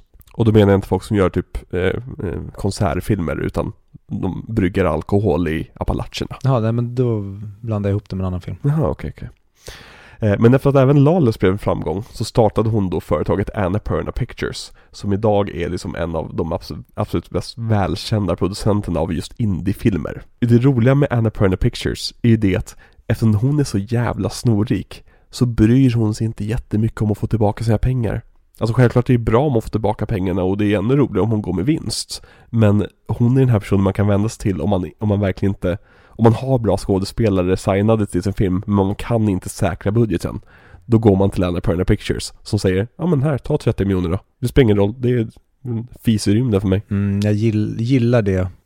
Men samtidigt någonting i mig som skaver där. Mm. Nej, jag, jag, jag, jag har bara goda tankar om, om det. För det är verkligen så här, snacka om att använda pengarna för att främja den branschen du älskar. Varför botar inte fattigdom i Afrika för? Ja, för att det... Ja, det, det är mitt uppdrag i avsnittet. Jag ska bara dra ur uh, pluggen i allting. Förstöra allt som är fint. De har i alla fall producerat The Master. Och även den gav ju bolaget välbehövd cred. Även om den inte drog in hela sin budget. Så vann den ju, eller blev nominerad och vann, når, vann den en Oscarsstatyett? Nej, bara Nej. nominerad för tre. Mm. Alla tre skådisar blev ju det. Ja, men den blev väldigt, väldigt hyllad. Och väldigt liksom älskad bland folk. Och som, som vi var inne på, den är ju som fortfarande ansedd vara en av tiotals absolut bästa filmer. Vilket jag inte håller med om, men det var en bra, ett bra cred att få på pappret. Um, men de har producerat filmer som Zero Dark Thirty, Her, American Hustle, Foxcatcher, Terminator Genesis. Ah, där börjar skava. Eh, där tog hon bort sitt namn från filmen innan den släpptes. Då är vi tillbaka. Hon är på plus fortfarande. Detroit, Phantom Thread, Vice, eh, Booksmart och Bombshell. Så det är väldigt mycket så här filmer som, jag vet inte, kan, kan, kan ha svårt att få, få en ordentlig finansiering på traditionella håll. Och de här filmerna blir oftast hyllade och överrösta med priser. Och bara 2013 så var Anna Perna inblandad i 17 stycken Oscarsnomineringar. Damn! Varför, jag, jag fick för mig att de konkade. Nej. De Vad fan går... blandade jag ihop det med för produktionsbolag? Det är bara någonting som jag fick för mig att, just Anna Perna, men de gick i konken och försvann, men tydligen inte. De har, de har trappat ner lite grann i och med covid. Eh, men jag misstänker att de kommer komma, komma tillbaka med en vengeance så fort liksom allting är normalt igen på den fronten. Men de producerar även TV och har gjort till exempel Pam and Tommy som du pratade om förra veckan. Eh, och de har också skapat ett dotterbolag, Annapurna Interactive, som producerar tv-spel. Vilket jag tycker är ashäftigt. Har du, hur ser deras siffror ut? Jag vet inte. Om, om de får det här att bli en plusaffär, mm. då är de ju kingarnas kingar. Mm. Men är det här som vissa fotbollsklubbar som har rika ägare, där de bara helt, hela tiden går lite minus, eller det är liksom ett skepp som sjunker, sjunker långsamt, då mm är fortfarande imponerande men inte lika. Mm. Nej men jag tror att de överlever, eller överlever, de går plus på de här otroliga succéerna. Som de får ibland. Till exempel Zero Dark 30 drog in 130 miljoner dollar här för mig. American Hustle drog in över 250 miljoner. På vad för budgetar? Typ 50. Ja, impressiv. Ja, precis. Och då har de ju råd att finansiera sin nästa batch och så vidare. Det, är inget, det är inget, till skillnad från andra stora företag som finansierar filmerna så är de inte särskilt intresserade av vinsten tror jag. Utan snarare bara av att gå runt. Mm. Och jag älskar verkligen när produktionsbolag eller producenter generellt mm. bara så här, nu ska göra den bästa filmen som möjligt. Mm. Cashen är inte det viktiga här. Visst klart vi inte ska springa iväg och bli careless med pengar. Precis. Vilket jag inte tror att de är. Mm. Men jag älskar när det inte är the profit som är målet. Exakt. Och största beviset på det här är ju Disney! På, fast även där, de, de, de kan ju gå back på en film hur lätt som helst och inte få särskilt mycket panik. För att de tjänar ju sina mesta pengar på vad då, Viktor? Merchandise. Ja. Ja, och tv-spel. Och ändå gör de inte bra filmer. De gör väldigt många bra filmer, men de gör också väldigt mycket skit. De gör väldigt många okej filmer och väldigt mycket skit. Men det jag skulle komma till, poängen, var att det som verkligen bevisar det här, att de inte riktigt bryr sig om pengarna här på Annapurna, det är Paul Thomas Anderson. Den här gick ju som sagt back med ungefär hälften av sin budget. Men den producerade ändå hans nästa film och gav honom lika stor budget. Och ingen, inga pekpinnar om att nej men nu får du faktiskt ta in lite stora kända skådespelare. Tvärtom så, om jag förstått rätt, så Phantom Thread så är det färre kända skådespelare. Mm, jag kollade upp och jag har ingen aning om vem hon är, kvinnan. Nej, jag har ingen aning om någon annan än, än, än eh, Daniel Day-Lewis egentligen. Där. Nej, inte jag heller. Och återigen, och det kan bara typ Anna Perna göra just nu. Och i, ett, i en bransch där det bara pumpas ut blockbusters och franchises hela tiden. Och alla kort måste ha säkra kort. Så är Annapurna en så jävla frisk fläkt. Mm. Och det är egentligen, utan dem hade vi nog, då hade Hollywood gått i graven. Utöver franchise-filmskapandet. Så det var egentligen där, bara därför jag ville ta upp Annapurna Pictures. För de finansierade den här filmen. Och de är jävligt coola tycker jag. Verkligen. Men tillbaka till uh, The Master. Ja, precis. För jag tycker ju, det som jag gillar mest med den här filmen är kanske det som jag också, det som flög mest över huvudet på mig när jag såg den. Framförallt första gången. Men jag förstod mer av det andra gången. Ja, men Lancaster Dodds deed helt enkelt. Mm. För att jag minns ofta honom, eller när jag, tänk, när jag tänkt på den här filmen, som att han är en lurendrejeriare. Att han bara försöker lura och tjäna pengar. Men det här är ju bara en man som har gått vilse på vägen. Ja. Att det, han, är ju, han hjälper ju faktiskt människor och det finns ju någonting helande i the cause. Definitivt. Men problemet blir ju när han, och så precis som i filmen, när han ska släppa svaren på frågorna som han ställer i sin första bok. Älskar den scenen när Laura Dern kommer fram till honom och frågar varför har du bytt från vad du kan recall till vad du kan imagine. Mhm. Och han bara tappar det. När hon pushar på det. Mm. Liksom, och inte bara tar hans fluffsvar som svar. Ja, och det blir nästan som hans, så precis som att Freddy är super, Mm. och det är ju Lancaster också, med Freddy. Men det här blir nästan som hans självskadebeteende och medicinering för att han är hållen av en annan master. Mm. Och jag gillar verkligen de här maktförhållandena genom filmen, men jag gillar verkligen det terapeutiska projektet Mm. som Lancaster försöker sig på med Freddy, för att han försöker ju faktiskt att bota honom Precis. men misslyckas och det är så himla tragiskt och som PTA pratar om i många av sina filmer är att de går igenom en resa, hans karaktärer, men de är sällan förändrade på slutet. Mm. Utan istället för att de, som i den här filmen då, att Freddy förtrycker den han är, Mm. så om, av filmen så omfamnar han den. Han förstår att han aldrig kommer kunna vara någonting annat än det han är. Ja. Men han lär sig att älska det istället för att försöka låtsas som att han är någon annan. Och det är så jävla patetiskt i början när de har första sessionen och hur han ska försöka ljuga. Mm. Han är så jävla dålig på det och han är så himla simpel när Lancaster bara ber honom att inte blinka. Hur snabbt han blir avväpnad när han Ja. inte kan fokusera på två saker samtidigt. Ja. Nu kommer vi till scenen här på tvn när Laura Dern sitter och pratar Ja. och så sitter de och tittar. Mm. Och då kommer eh, Lancaster och eh, dotter fram och sätter sin hand på eh, Freddys kuk. Ja. Jag fattar inte vad det är som händer här. Är det att hon på riktigt är attraherad av honom? Eller är hon skickad för att försöka eh, locka in honom i något sexuellt? För sen är ju hon väldigt anti honom. Jo, nej, fast jag, jag, jag har inte ens tänkt tanken du tänkte. Det skulle kunna vara så, men de utbyter blickar också när de möts första gången. Som är lite grann, alltså det finns spänning mellan de två. Och jag tror att hon helt enkelt, när alla andra snackar skit om Freddy, då snackar jag också skit om Freddy. Och jag har faktiskt det här dirtet på honom. Ja, men att hon egentligen vill ha honom. Ja. Men för att hon inte ska bli uthängd i någon, med någon risk, Mm. då ställer hon sig med resten av mobbarna Ja men precis, ur sig. exakt. Jag tror att hon på riktigt ville greppa hans kruk där, för att hon håller ju verkligen på här. Jag skulle säga att det är en ren standard mobbarteknik. Jo nej, det skulle komma till en scen som jag verkligen, verkligen tyckte om med den här, i den här filmen. Just angående det här eh, Just med Philip Seymour Hoffmans karaktär och Amy Adams karaktär. Finns det scen när hon går runt i rummet och pratar. Och liksom typ orerar. Och han sitter och skriver. Och det är nästan så att han skriver ner det hon säger. Och att det blir boken sen. Mm. Ja, men det hade också kunnat vara en film där han fokuserar mer på att han kanske inte är the master som han verkligen utger sig för att vara, Mm. utan det hade varit ännu tydligare att det är mycket av hennes ord som han bara egentligen upprepar och han är mer karismatisk och framförallt han är en man på den här Mm. tiden. Så det är honom de kommer att lyssna på, lite som det jag hade hoppats på att Big Eyes var filmen med um, Big Christopher Eyes? Waltz. Big Eyes. Yes. Vad trodde du att jag pratade om? Jag vet inte, Tim Burton eller något. Mm. Är det inte Amy Adams i Big Eyes? Jo. Ja, just det. Ja. För den filmen, jag älskar den premissen, Mm. där du har någon, då på grund av en viss tidsanda, Mm. Som stjäl credden för någonting som du har gjort för att du är inte tillräckligt intressant pitch. The Wife också. Med Jonathan Pierce. F- Svensk regissör va? Jag vet inte. Jo, jag tror det. Men förlåt, avbryta. Den här scenen. Jag tänkte på det, det är väldigt mycket naket i den här filmen. Det här är scenen när han eh, sjunger och alla blir nakna som du pratade om tidigare. Precis. Det är väldigt mycket naket i den här filmen. Men det är nästan misantropiskt i hur de ser ut när de är nakna. Inga kroppar är vackra. Ingen sexig när de är naken. Utan det är hela tiden så här lite grann, kolla hur ful människokroppen är. Mm. I nästan varenda scen där är en naken person. Även i slutscenen när, när, när han har sex med den här brittiska kvinnan.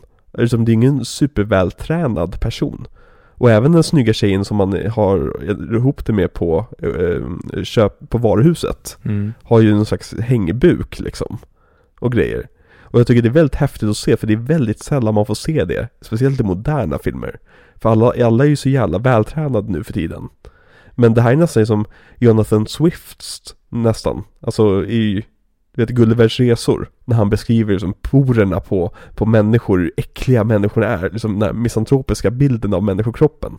Jag tycker det är väldigt spännande. Mm, och jag älskar PTA för att han inte gör det till massa, men idag modernt snygga kvinnor. Exakt. Sen såklart, det var ju inga ugly women som var där, eller Nej. några av dem var ju mer då, om vi ska använda Ja, en... men alla ser naturliga ut. Ja men precis, att det är inte någonting som ska vara sexigt, Nej. utan det här är vanliga människor som bara råkar vara helt plötsligt nakna. Mm. Det är verkligen tillbaka till hans autenticitet. Mm. Att jag tror att han var väldigt noga med det här. Att no, no, no, no, no. Vi ska inte ha någon jävla fotomodell här som står. Och scenen hade inte funkat om det var meningen att vi skulle bli kåta av scenen. Nej. För det är inte det scenen handlar om. mm. Det handlar om att vi ska se, vi, vi får en liten inblick i Freddys sjuka sinne.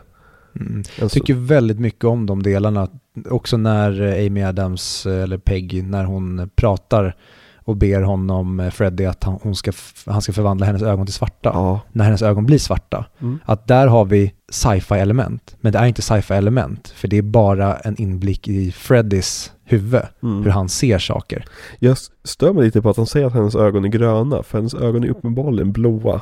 Det, det tänkte jag också, det skulle jag vilja googla på sen. För det måste också vara en sån här PTA-grej. Att varför gör Freddie det? Mm. Ja, för att Freddie är en, antingen en oärlig man eller att han är bara, han fokuserar inte ens på hennes ögon, han är helt inne i något annat. Mm. Finns väl säkert för att det är ingen miss som PTA. Hade det varit en mindre begåvad regissör, ja men då hade det absolut kunnat slippa undan, men i hans fall tror jag verkligen inte det. Eller så är det bara en sån på enkel sak att hennes ögon kanske är gröna, men det är bara vi som ser det som blått på grund av att det har processats genom filmen. Och sen så, eller, eller, eller att, att liksom gröna ögon inte är så pass gröna som vi kanske har sett personer med gröna ögon har. Att hon fortfarande är med sina blåa ögon i kategorin gröna ögon. Förstår du vad jag menar? Ja men det är konstigt för jag, både du och jag reagerade på samma grej. Ja. Och då blir det en, ja men en märklig anledning när man hajar till på det. Mm. Då tänker jag att då finns det ju någonting som PTA vill göra där för Ja, att få oss att ja, men komma ur balans. Men kul med den scenen, Mm. där det är då bara en närbild på Amy Adams när hon säger massa saker. Mm. Det var för att en av kamerorna gick sönder när de skulle fota. Och när de skulle reparera kameran, då hade de... Ursäkta mig. Var det The Room som invaderade? Ja. En av kamerorna gick, eller kameran gick sönder. Och då behövde de typ 3-4 timmar på sig att reparera den. Mm. Och då satte han bara Amy Adams på en stol. Mm. Och så sa han massa grejer till henne som hon bara skulle repetera rakt in i kameran. Mhm. Så det var någonting som han bara fick för sig på plats att göra. Jävla geni alltså. Ja, Snacka om utnyttja sin tid rätt också. verkligen. Istället för liksom så, ja men då har vi tre timmars dödtid så här, nej nej nej nej nej. Nej nej nej nej nej nej. Nu ska vi improvisera lite grejer här. Men till Peggy också, att i slutet av filmen då kanske hon målas upp som någon slags bitterfitta eller en bad guy som inte vill att de här kära personerna ska vara tillsammans. Ja, Men det hon försöker göra genom hela, det är att hon vill ju att Freddy ska bli frisk. Så att Precis. han kan gå tillbaka till sin kärlek. exakt. För det hon är med på att, ja men han kan ju vara här om han är här tillfälligt. Mm. Men han ska ju inte, vara en, han ska inte bli vår permanenta hund. Det är ju Nej, inte vad dealen är här. Precis. Nej men alltså, alltså, att se henne som en slags skurk i den här filmen är att göra en väldigt ytlig tolkning av en lite djupare tolkning. Om du förstår vad jag menar. Fotot med vattnet i början är helt, det är typ mitt favoritfoto i filmen. Mm, och det kommer ju tillbaka två gånger till Mm. i filmen. Den är verkligen gorgeous. Men någonting som, om man då ska gå in på varför den här filmen inte flyger högre än vad den gör, Mm.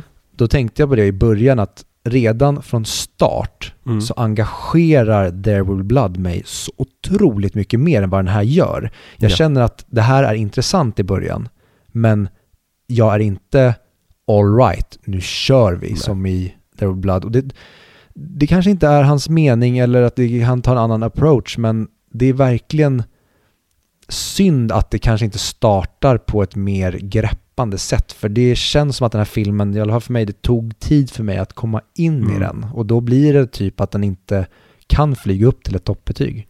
Ja, och jag kände, jag ska inte säga att jag var uttråkad, men det var lite så här kolla på klockan-stämning ibland för mig eh, under den här filmen.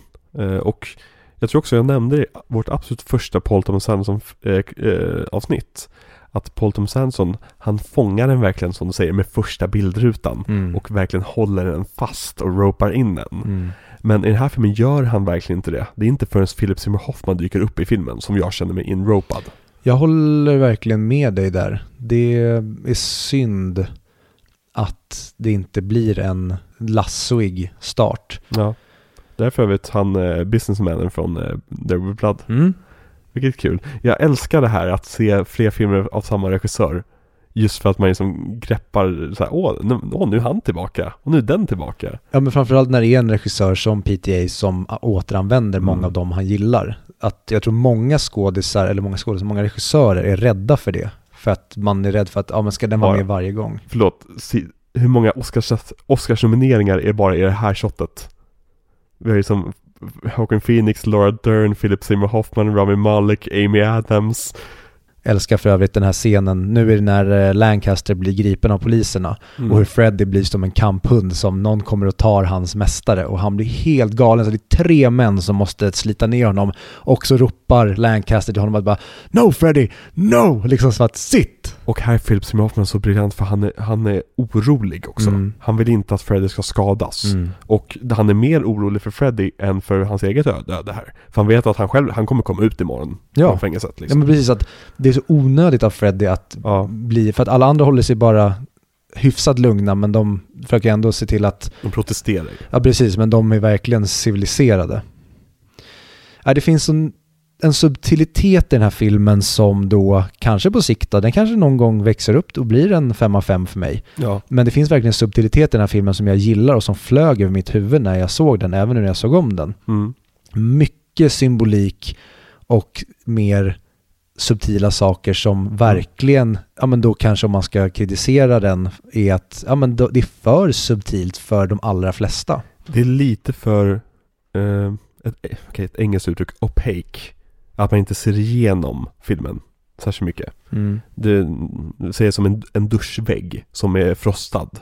Att jag hade, hela, jag hade velat se igenom den lite mer. Att den är lite mer tydlig med vad den försöker göra. En, en kul tolkning om filmen som jag läste. Det är det att den handlar om skådespeleri. Philip Seymour Hoffmans karaktär eh, sing, eh, eh, eh, företräder det som lugna, stabila skådespeleriet. Medan eh, Joaquin Phoenix karaktär företräder det här explosiva ka- karaktärsmethod. Och det är också väldigt kul just för de två skådespelarna är ju väldigt mycket den perfekta i de olika rollerna. Mm. Alltså i de olika eh, skådespelartyperna. Det enda som hade varit mer som av dem som explosiva, det hade kanske typ om... Jag vet inte, kan du tänka ut någon mer explosiv, bra skådis än eh, eh, Joaquin Phoenix? Leo kanske? Ja, verkligen. Ja. Mm. Och jag gillar när skådisar är duktiga på det explosiva, att de inte blir skrikiga upp, utan de blir skrikiga rakt. Mm. Det är en sån jävla kraft, de blir högljudda men de blir inte högljudda så att man får ont i öronen, utan det är mer som att träffa en stenhårt. Mm. Och det tycker jag både Jacqueline Phoenix och Leo, ja men är kanske två av de bästa ever Mm. på just den grejen. Yes. Det finns säkert hur många exempel till. Ja men ta till exempel Will Smith i King Richard. Nej, oj, nu kommer han snart att eh, komma in här och säga Bara, bara du inte nämner Jada. Oh fuck. Jag för övrigt när jag var i eh, Los Angeles för, vad är det nu? Ja, tre eller, ja men tre år tror jag att det är. Mm. Då ehm, besökte vi, hela min familj som var där och reste, vi besökte eh, en scientologikyrka Mm. och gick på ett av deras eh, seminarier. Mm. Och det var en väldigt speciell upplevelse att bara möta de här personerna och nästan se deras frälsning i ögonen. Mm. När de säger att, för då hade två av mina kusiner ettåringar. Och då sa de bara, we can take care of your babies while you watch the film. No thank you. Har de Så- inte fattat att det är så de framställer sig själva? Mm. Ja, för det tycker jag ju är någonting som de gör bra i den här, Mm. snarare än min bild av den riktiga kyrkan. Här framstår de ju faktiskt som, och det kanske är, de var det vid det här stadiet, att nu är de en kult som har tappat fotfästet och svävat iväg, bokstavligt talat, ut i rymden. Eh, för, eh, jag vill bara säga, för ifall det skulle vara någon cent- scientolog som eh, lyssnar så Viktor spelar nu en roll där han eh, låtsas som att han tycker de här sakerna. Fortsätt prata. Ehm, Ja, säg på göteborgska. Vad får jag göra i min roll? Du får säga exakt vad du vill, du spelar en roll. Det, det, det är helt o... äh, Det här är inte saker Viktor tycker på riktigt. Okej, ja, men eh, jag tar inspiration från Glenn Hussein, kanske från Leif Loket Olsson. Jag är nere på västkusten nu känner jag. Det är, och jag måste ha motivation i min kar- karaktär. Kan du ge mig någonting? Eh, du är eh, pedofil. Jag måste ha någonting. Ja, vänta, vänta, du behövde motivation. Jag, förlåt, jag bara sa random saker om dig. Eh, du, du, ehm, du, du tycker att bollen är rund. Ja, tack. Det var konkret och bra. Nej, men jag tycker ju att skillnaden i den här filmen är ju att jag tycker att kyrkan, i, i det här stadiet i alla fall, de, de, det känns som att de verkligen vill hjälpa människor. Men eh, idag, då, då känns det som att de mer är ute efter att eh, lura in folk i någon slags fälla. Och det tycker inte jag om. Jag tycker inte om det alls. Så jag vill verkligen ge eh, Paul Thomas Andersson det här att han verkligen får till eh, Lancaster Dodd och även Fredrik Kväll, att deras eh, sessioner, det, det är någonting som jag, jag tycker det, det är bra. Mm. Jag känner att jag blir Ronny Svensson där. Ja, nej men jag, jag tycker vi ska applådera Viktor för den här rollprestationen han precis gjorde. Där han sa inga saker som han själv tycker, utan bara saker som hans roll tyckte. Så en liten applåd till eh, Viktor Estermar Landegren här. Ehm, och eh, du ska, jag ska spela också, jag ska spela upp en liten, jag, jag har skrivit en liten pjäs till er som, som eh, jag kallar för eh, Dumhuven och Going Clear. Ehm, Ja, det är ju också så att jag heter ju Glenn och jag kommer från Göteborg. Det är också Göteborg. Jajamensan och eh, eh, ja, jag såg ju den här dokumentären Going Clear va? Och jag har ju väldigt dålig Göteborgsdialekt egentligen. Jag, spel, jag, jag kommer egentligen från Västerås men jag är ju skådespelare. Och jag håller ju på just nu med en Göteborgsroll och nu går jag väldigt meta här. Och eh, det när dokumentären Going Clear va, när de eh, med deras Sea eh, där det finns alltså eh, båtar som de tar ut de här unga männen och kvinnorna på för att göra dem till riktiga män och, och så, så behandlar de alla illa och kvinnor blir våldtagna och satta i fänkor och så vidare. Jag tycker att scientologikyrkan har ju blivit, kan man säga, liksom lite för stor för sitt eget bästa. För att som du säger här, här i början på det här så, så blir det ju, är det ju väldigt, väldigt mycket självhjälp ändå. Så det är ju väldigt positivt på många sätt och vis utöver det att han blåser folk på pengar. Vilket är ju någonting som scientologikyrkan enligt den här dokum dokumentären som jag har sett också har fortsatt med idag ja. Nu blir det nästan lite, lite värmländska över det hela men det är ju en del av rollen. Jag, jag, jag är ju skådespelare va, jag håller ju på att öva mig på de olika, olika dialekterna. Så nu tycker jag att vi ska gå till den skånska historikern. För när det kommer till Tom Cruise till exempel så finns det ju en aspekt av att scientologikyrkan har behövt godkänna hans fruar. Och det har till och med varit så att folk har varit på audition för att bli Tom Cruise nästa fru. Och det tycker jag är väldigt roligt på vissa sätt och väldigt, väldigt mörkt på andra sätt. Jag vill att vi ska ge Alexander en applåd för hans roll som Glenn. Som började i Göteborg, men gled genom hela landet kändes det som. Ja, Så, Eh, och nu har vi haft lite så här fri teater och så vidare. Eh, där vi var som spelat de här två rollerna. Viktor har framfört en, någonting som han inte har skrivit, men som han bara som spelade. Och jag framförde något som jag inte har skrivit och framförde för er. radioteater. Ehm, har vi något mer att säga innan vi går härifrån? Det, det känns alltid som att jag vill alltid komma till att jag vill sätta ett betyg, jag vill gärna ranka den här för att jag är, så, jag, jag är fortfarande inne i 100 mick, att var placerar man den här? Men Mm. eh, Bad Boy, det tar vi i Mm. slutet på kapitlet. Betyg 4-5 ska jag säga. Jag är med dig där, jag satte 4-5 direkt på den. Mm. Sen när jag började läsa om den och kolla analyser, Mm. då blev jag så här, oh my god, det finns så mycket briljans och PTA är ett sånt jävla geni här under. Så jag höjde den till en 9. Mm. Men så fick jag ta tillbaka det för då kom jag på att nej men det var inte det filmen gjorde för mig. Nej. Utan det här är ju efterspelet och var, ja men en forsknings, en forskning, ett forskningsbetyg som adderade den där sista halva stjärnan. Och det får jag inte göra. Nej. Utan det kanske blir en 9 av 10 nästa gång. Men det som blev direkt efter, det är en klockren 4 av 5. Det är en kanonbra film.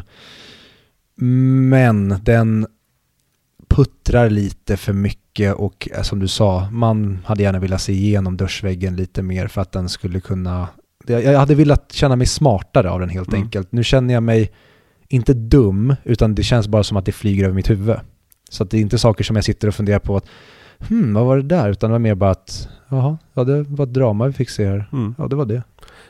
Jag var väldigt nära på att sätta 3,5 av 5 på den här. Mhm. Eh, men sen så insåg jag liksom vilka andra filmer jag brukar sätta 4 av 5 på och kände att jag kan, jag kan, jag kan inte försvara 3,5 av 5 på den här. Visserligen ska varenda, man, eh, varenda betyg sättas i sitt vakuum.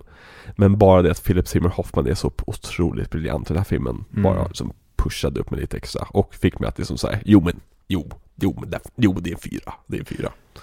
Absolut. Och en grej jag bara vill addera. Mm. Att jag har haft en person i min eh, närhet som varit eh, missbrukare. Mhm. Och hur Jacqueline Phoenix spelar missbrukare i den här filmen är, jag blir nästan rädd ibland över hur jävla spot on han är i mycket av, ja men bara hur han pratar. Han satte ju någon slags typ metallskena i munnen för att munnen skulle vara på ett konstigt sätt. Mm. Som typ skar upp hans kind. Alltså han gick verkligen stenhårt in i det här. Mm. Och um, nej, kudos verkligen till hur han får till den här personen som, han har medicinerat sig så mycket Mm. att han är konstant medicinerad även när han är nykter. Precis, verkligen. Så um, Ja. fått in det också. Eh, filmens MVP är väl självklar. Amy Adams, nej, Philip Seymour Hoffman. Mm. Ja, han är ju det. Jag vill egentligen, ha- hade, jag hade velat se den här filmen när den kom och se hur tight racet är mellan dem. Men det är Mm. så svårt att inte blanda in att han är död och vi får ingenting mer av honom och att vi har fått Joker, Jacqueline Phoenix. Ja, Så det, det påverkar en ju verkligen. faktiskt. Underbar scen. jag ska, du kommer inte kunna påverka mig. Han säger två saker så börjar skrika på honom. Ja, det är scenen när Rami Maleks karaktär ska sitta och provocera honom samtidigt som vi korsklipper till där Amy Adams pratar rakt in i kameran. Där Mm. han egentligen, och han vandrar över rummet där han ska gå fram till fönstret och till väggen. Mm. Ja, nej, nej. J- Jättebra film. Kan dock inte rekommendera den för alla. Nej, Absolut inte. Utan det här, den här filmen kommer kräva lite arbete av dig. verkligen. Ja, det här är långt ifrån den första filmen man ska börja med om man ska gå in i PDAs Ja, ja. filmografi. Alltså There Will Be Blood är ju en lättsam komedi jämfört med den här. Men eh, med det sagt så tack för, så mycket för att ni lyssnar. Nästa vecka så kommer vi prata om Inherent Vice. Och det ska bli väldigt spännande att se vad det är för något. För jag har sett den filmen två gånger i två väldigt olika sinnestillstånd. Jag ska se, jag är väldigt kul, jag, jag, jag är lite nervös över filmen för den fick en hel del dålig kritik. Men också av personer som är rätt bajsnödiga. Så Vajsnödiga. Vice-nödiga, precis. Inherent Vice. Och också, försök översätta den titeln till svenska. Jag googlade det för att se vad det skulle bli. Ärvd last. Ja, exakt.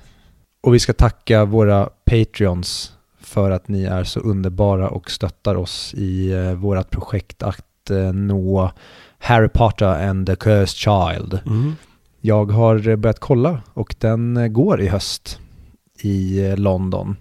Då så. Ni behöver bara rekrytera, vad är det, 30, nej, 38, 38 pers till. så åker vi. Ja, men med vi kommer tanke... nog kanske åka i alla fall. Vi skulle egentligen satt en summa snarare än ett antal, för vi är så jäkla generösa och underbara Patreons. Men Ja. som du säger, jag räknade ju inte med att någon skulle ge över 25 spänn. nej, inte jag heller. Det är alltså de där andra, andra, de satte vi lite grann upp som ett skämt. Jag vill bara vara tydlig med det. Ja, där satt jag mer och så här, hur kan man formulera det, kanske lite roliga titlar på de olika Ja, nivåerna. precis. Det var typ ett meme som vi gjorde sent på natten liksom. Ja, Eh, men så bara råkade det ramla in folk som vill ge oss 100 spänn i månaden och det är vi, vi eh, ni vet hur mycket vi uppskattar det. Tack så mycket. ja, Ja. verkligen. Mm. Och eh, vi älskar er andra också som inte är Patreons bara för att ni lyssnar. Det gör oss väldigt, väldigt glada. Vi tycker att det är väldigt Oh ja. roligt att göra det här. Definitivt, vi tycker det är jätteroligt. Det här har verkligen fått mig att tycka om film igen på ett helt nytt sätt. I agree! Yes. Och eh, om ni vill nå oss så kan ni hitta oss egentligen på alla sociala medier under audiovideoklubben. Ni kan mejla oss på audiovideoklubben.gmail.com och eh, ni Patreons kan även skriva till oss på Patreon-sidan. Vi är väldigt snabba på att svara. Ja, för det mesta. Vill jag kanske köra en, en fråga special i någon kommande avsnitt. Mm, det var Så kul. om ni, om ni har några frågor till oss vad, vad vi tycker om X och Y med eh, Persbrandt så eh, bara ställa frågan om vad vi tycker om X och Y. Ja, eller vad ni tycker, eller vad vi tycker om I hate orcs more. These hills are crawling with orcs.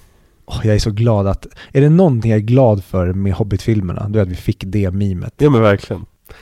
Ja, nej, så här, om ni har, om ni har massa frågor till oss, om, om ni vill veta vad vi tycker om olika saker och ting, eller om ni bara vill, som, vill chocka oss med märkliga frågor, skicka in alla frågor ni har så när vi får ihop ett, ett, ett par stycken så kör vi en liten frågespecial kanske i någon av, någon av mellanakterna. Eller slutet på ett avsnitt. Vem vet? Det här är lite fortfarande in the making. Eh, vi är snart igenom i vår första regissör-miniserie. Mhm, snart. Ja, om tre veckor.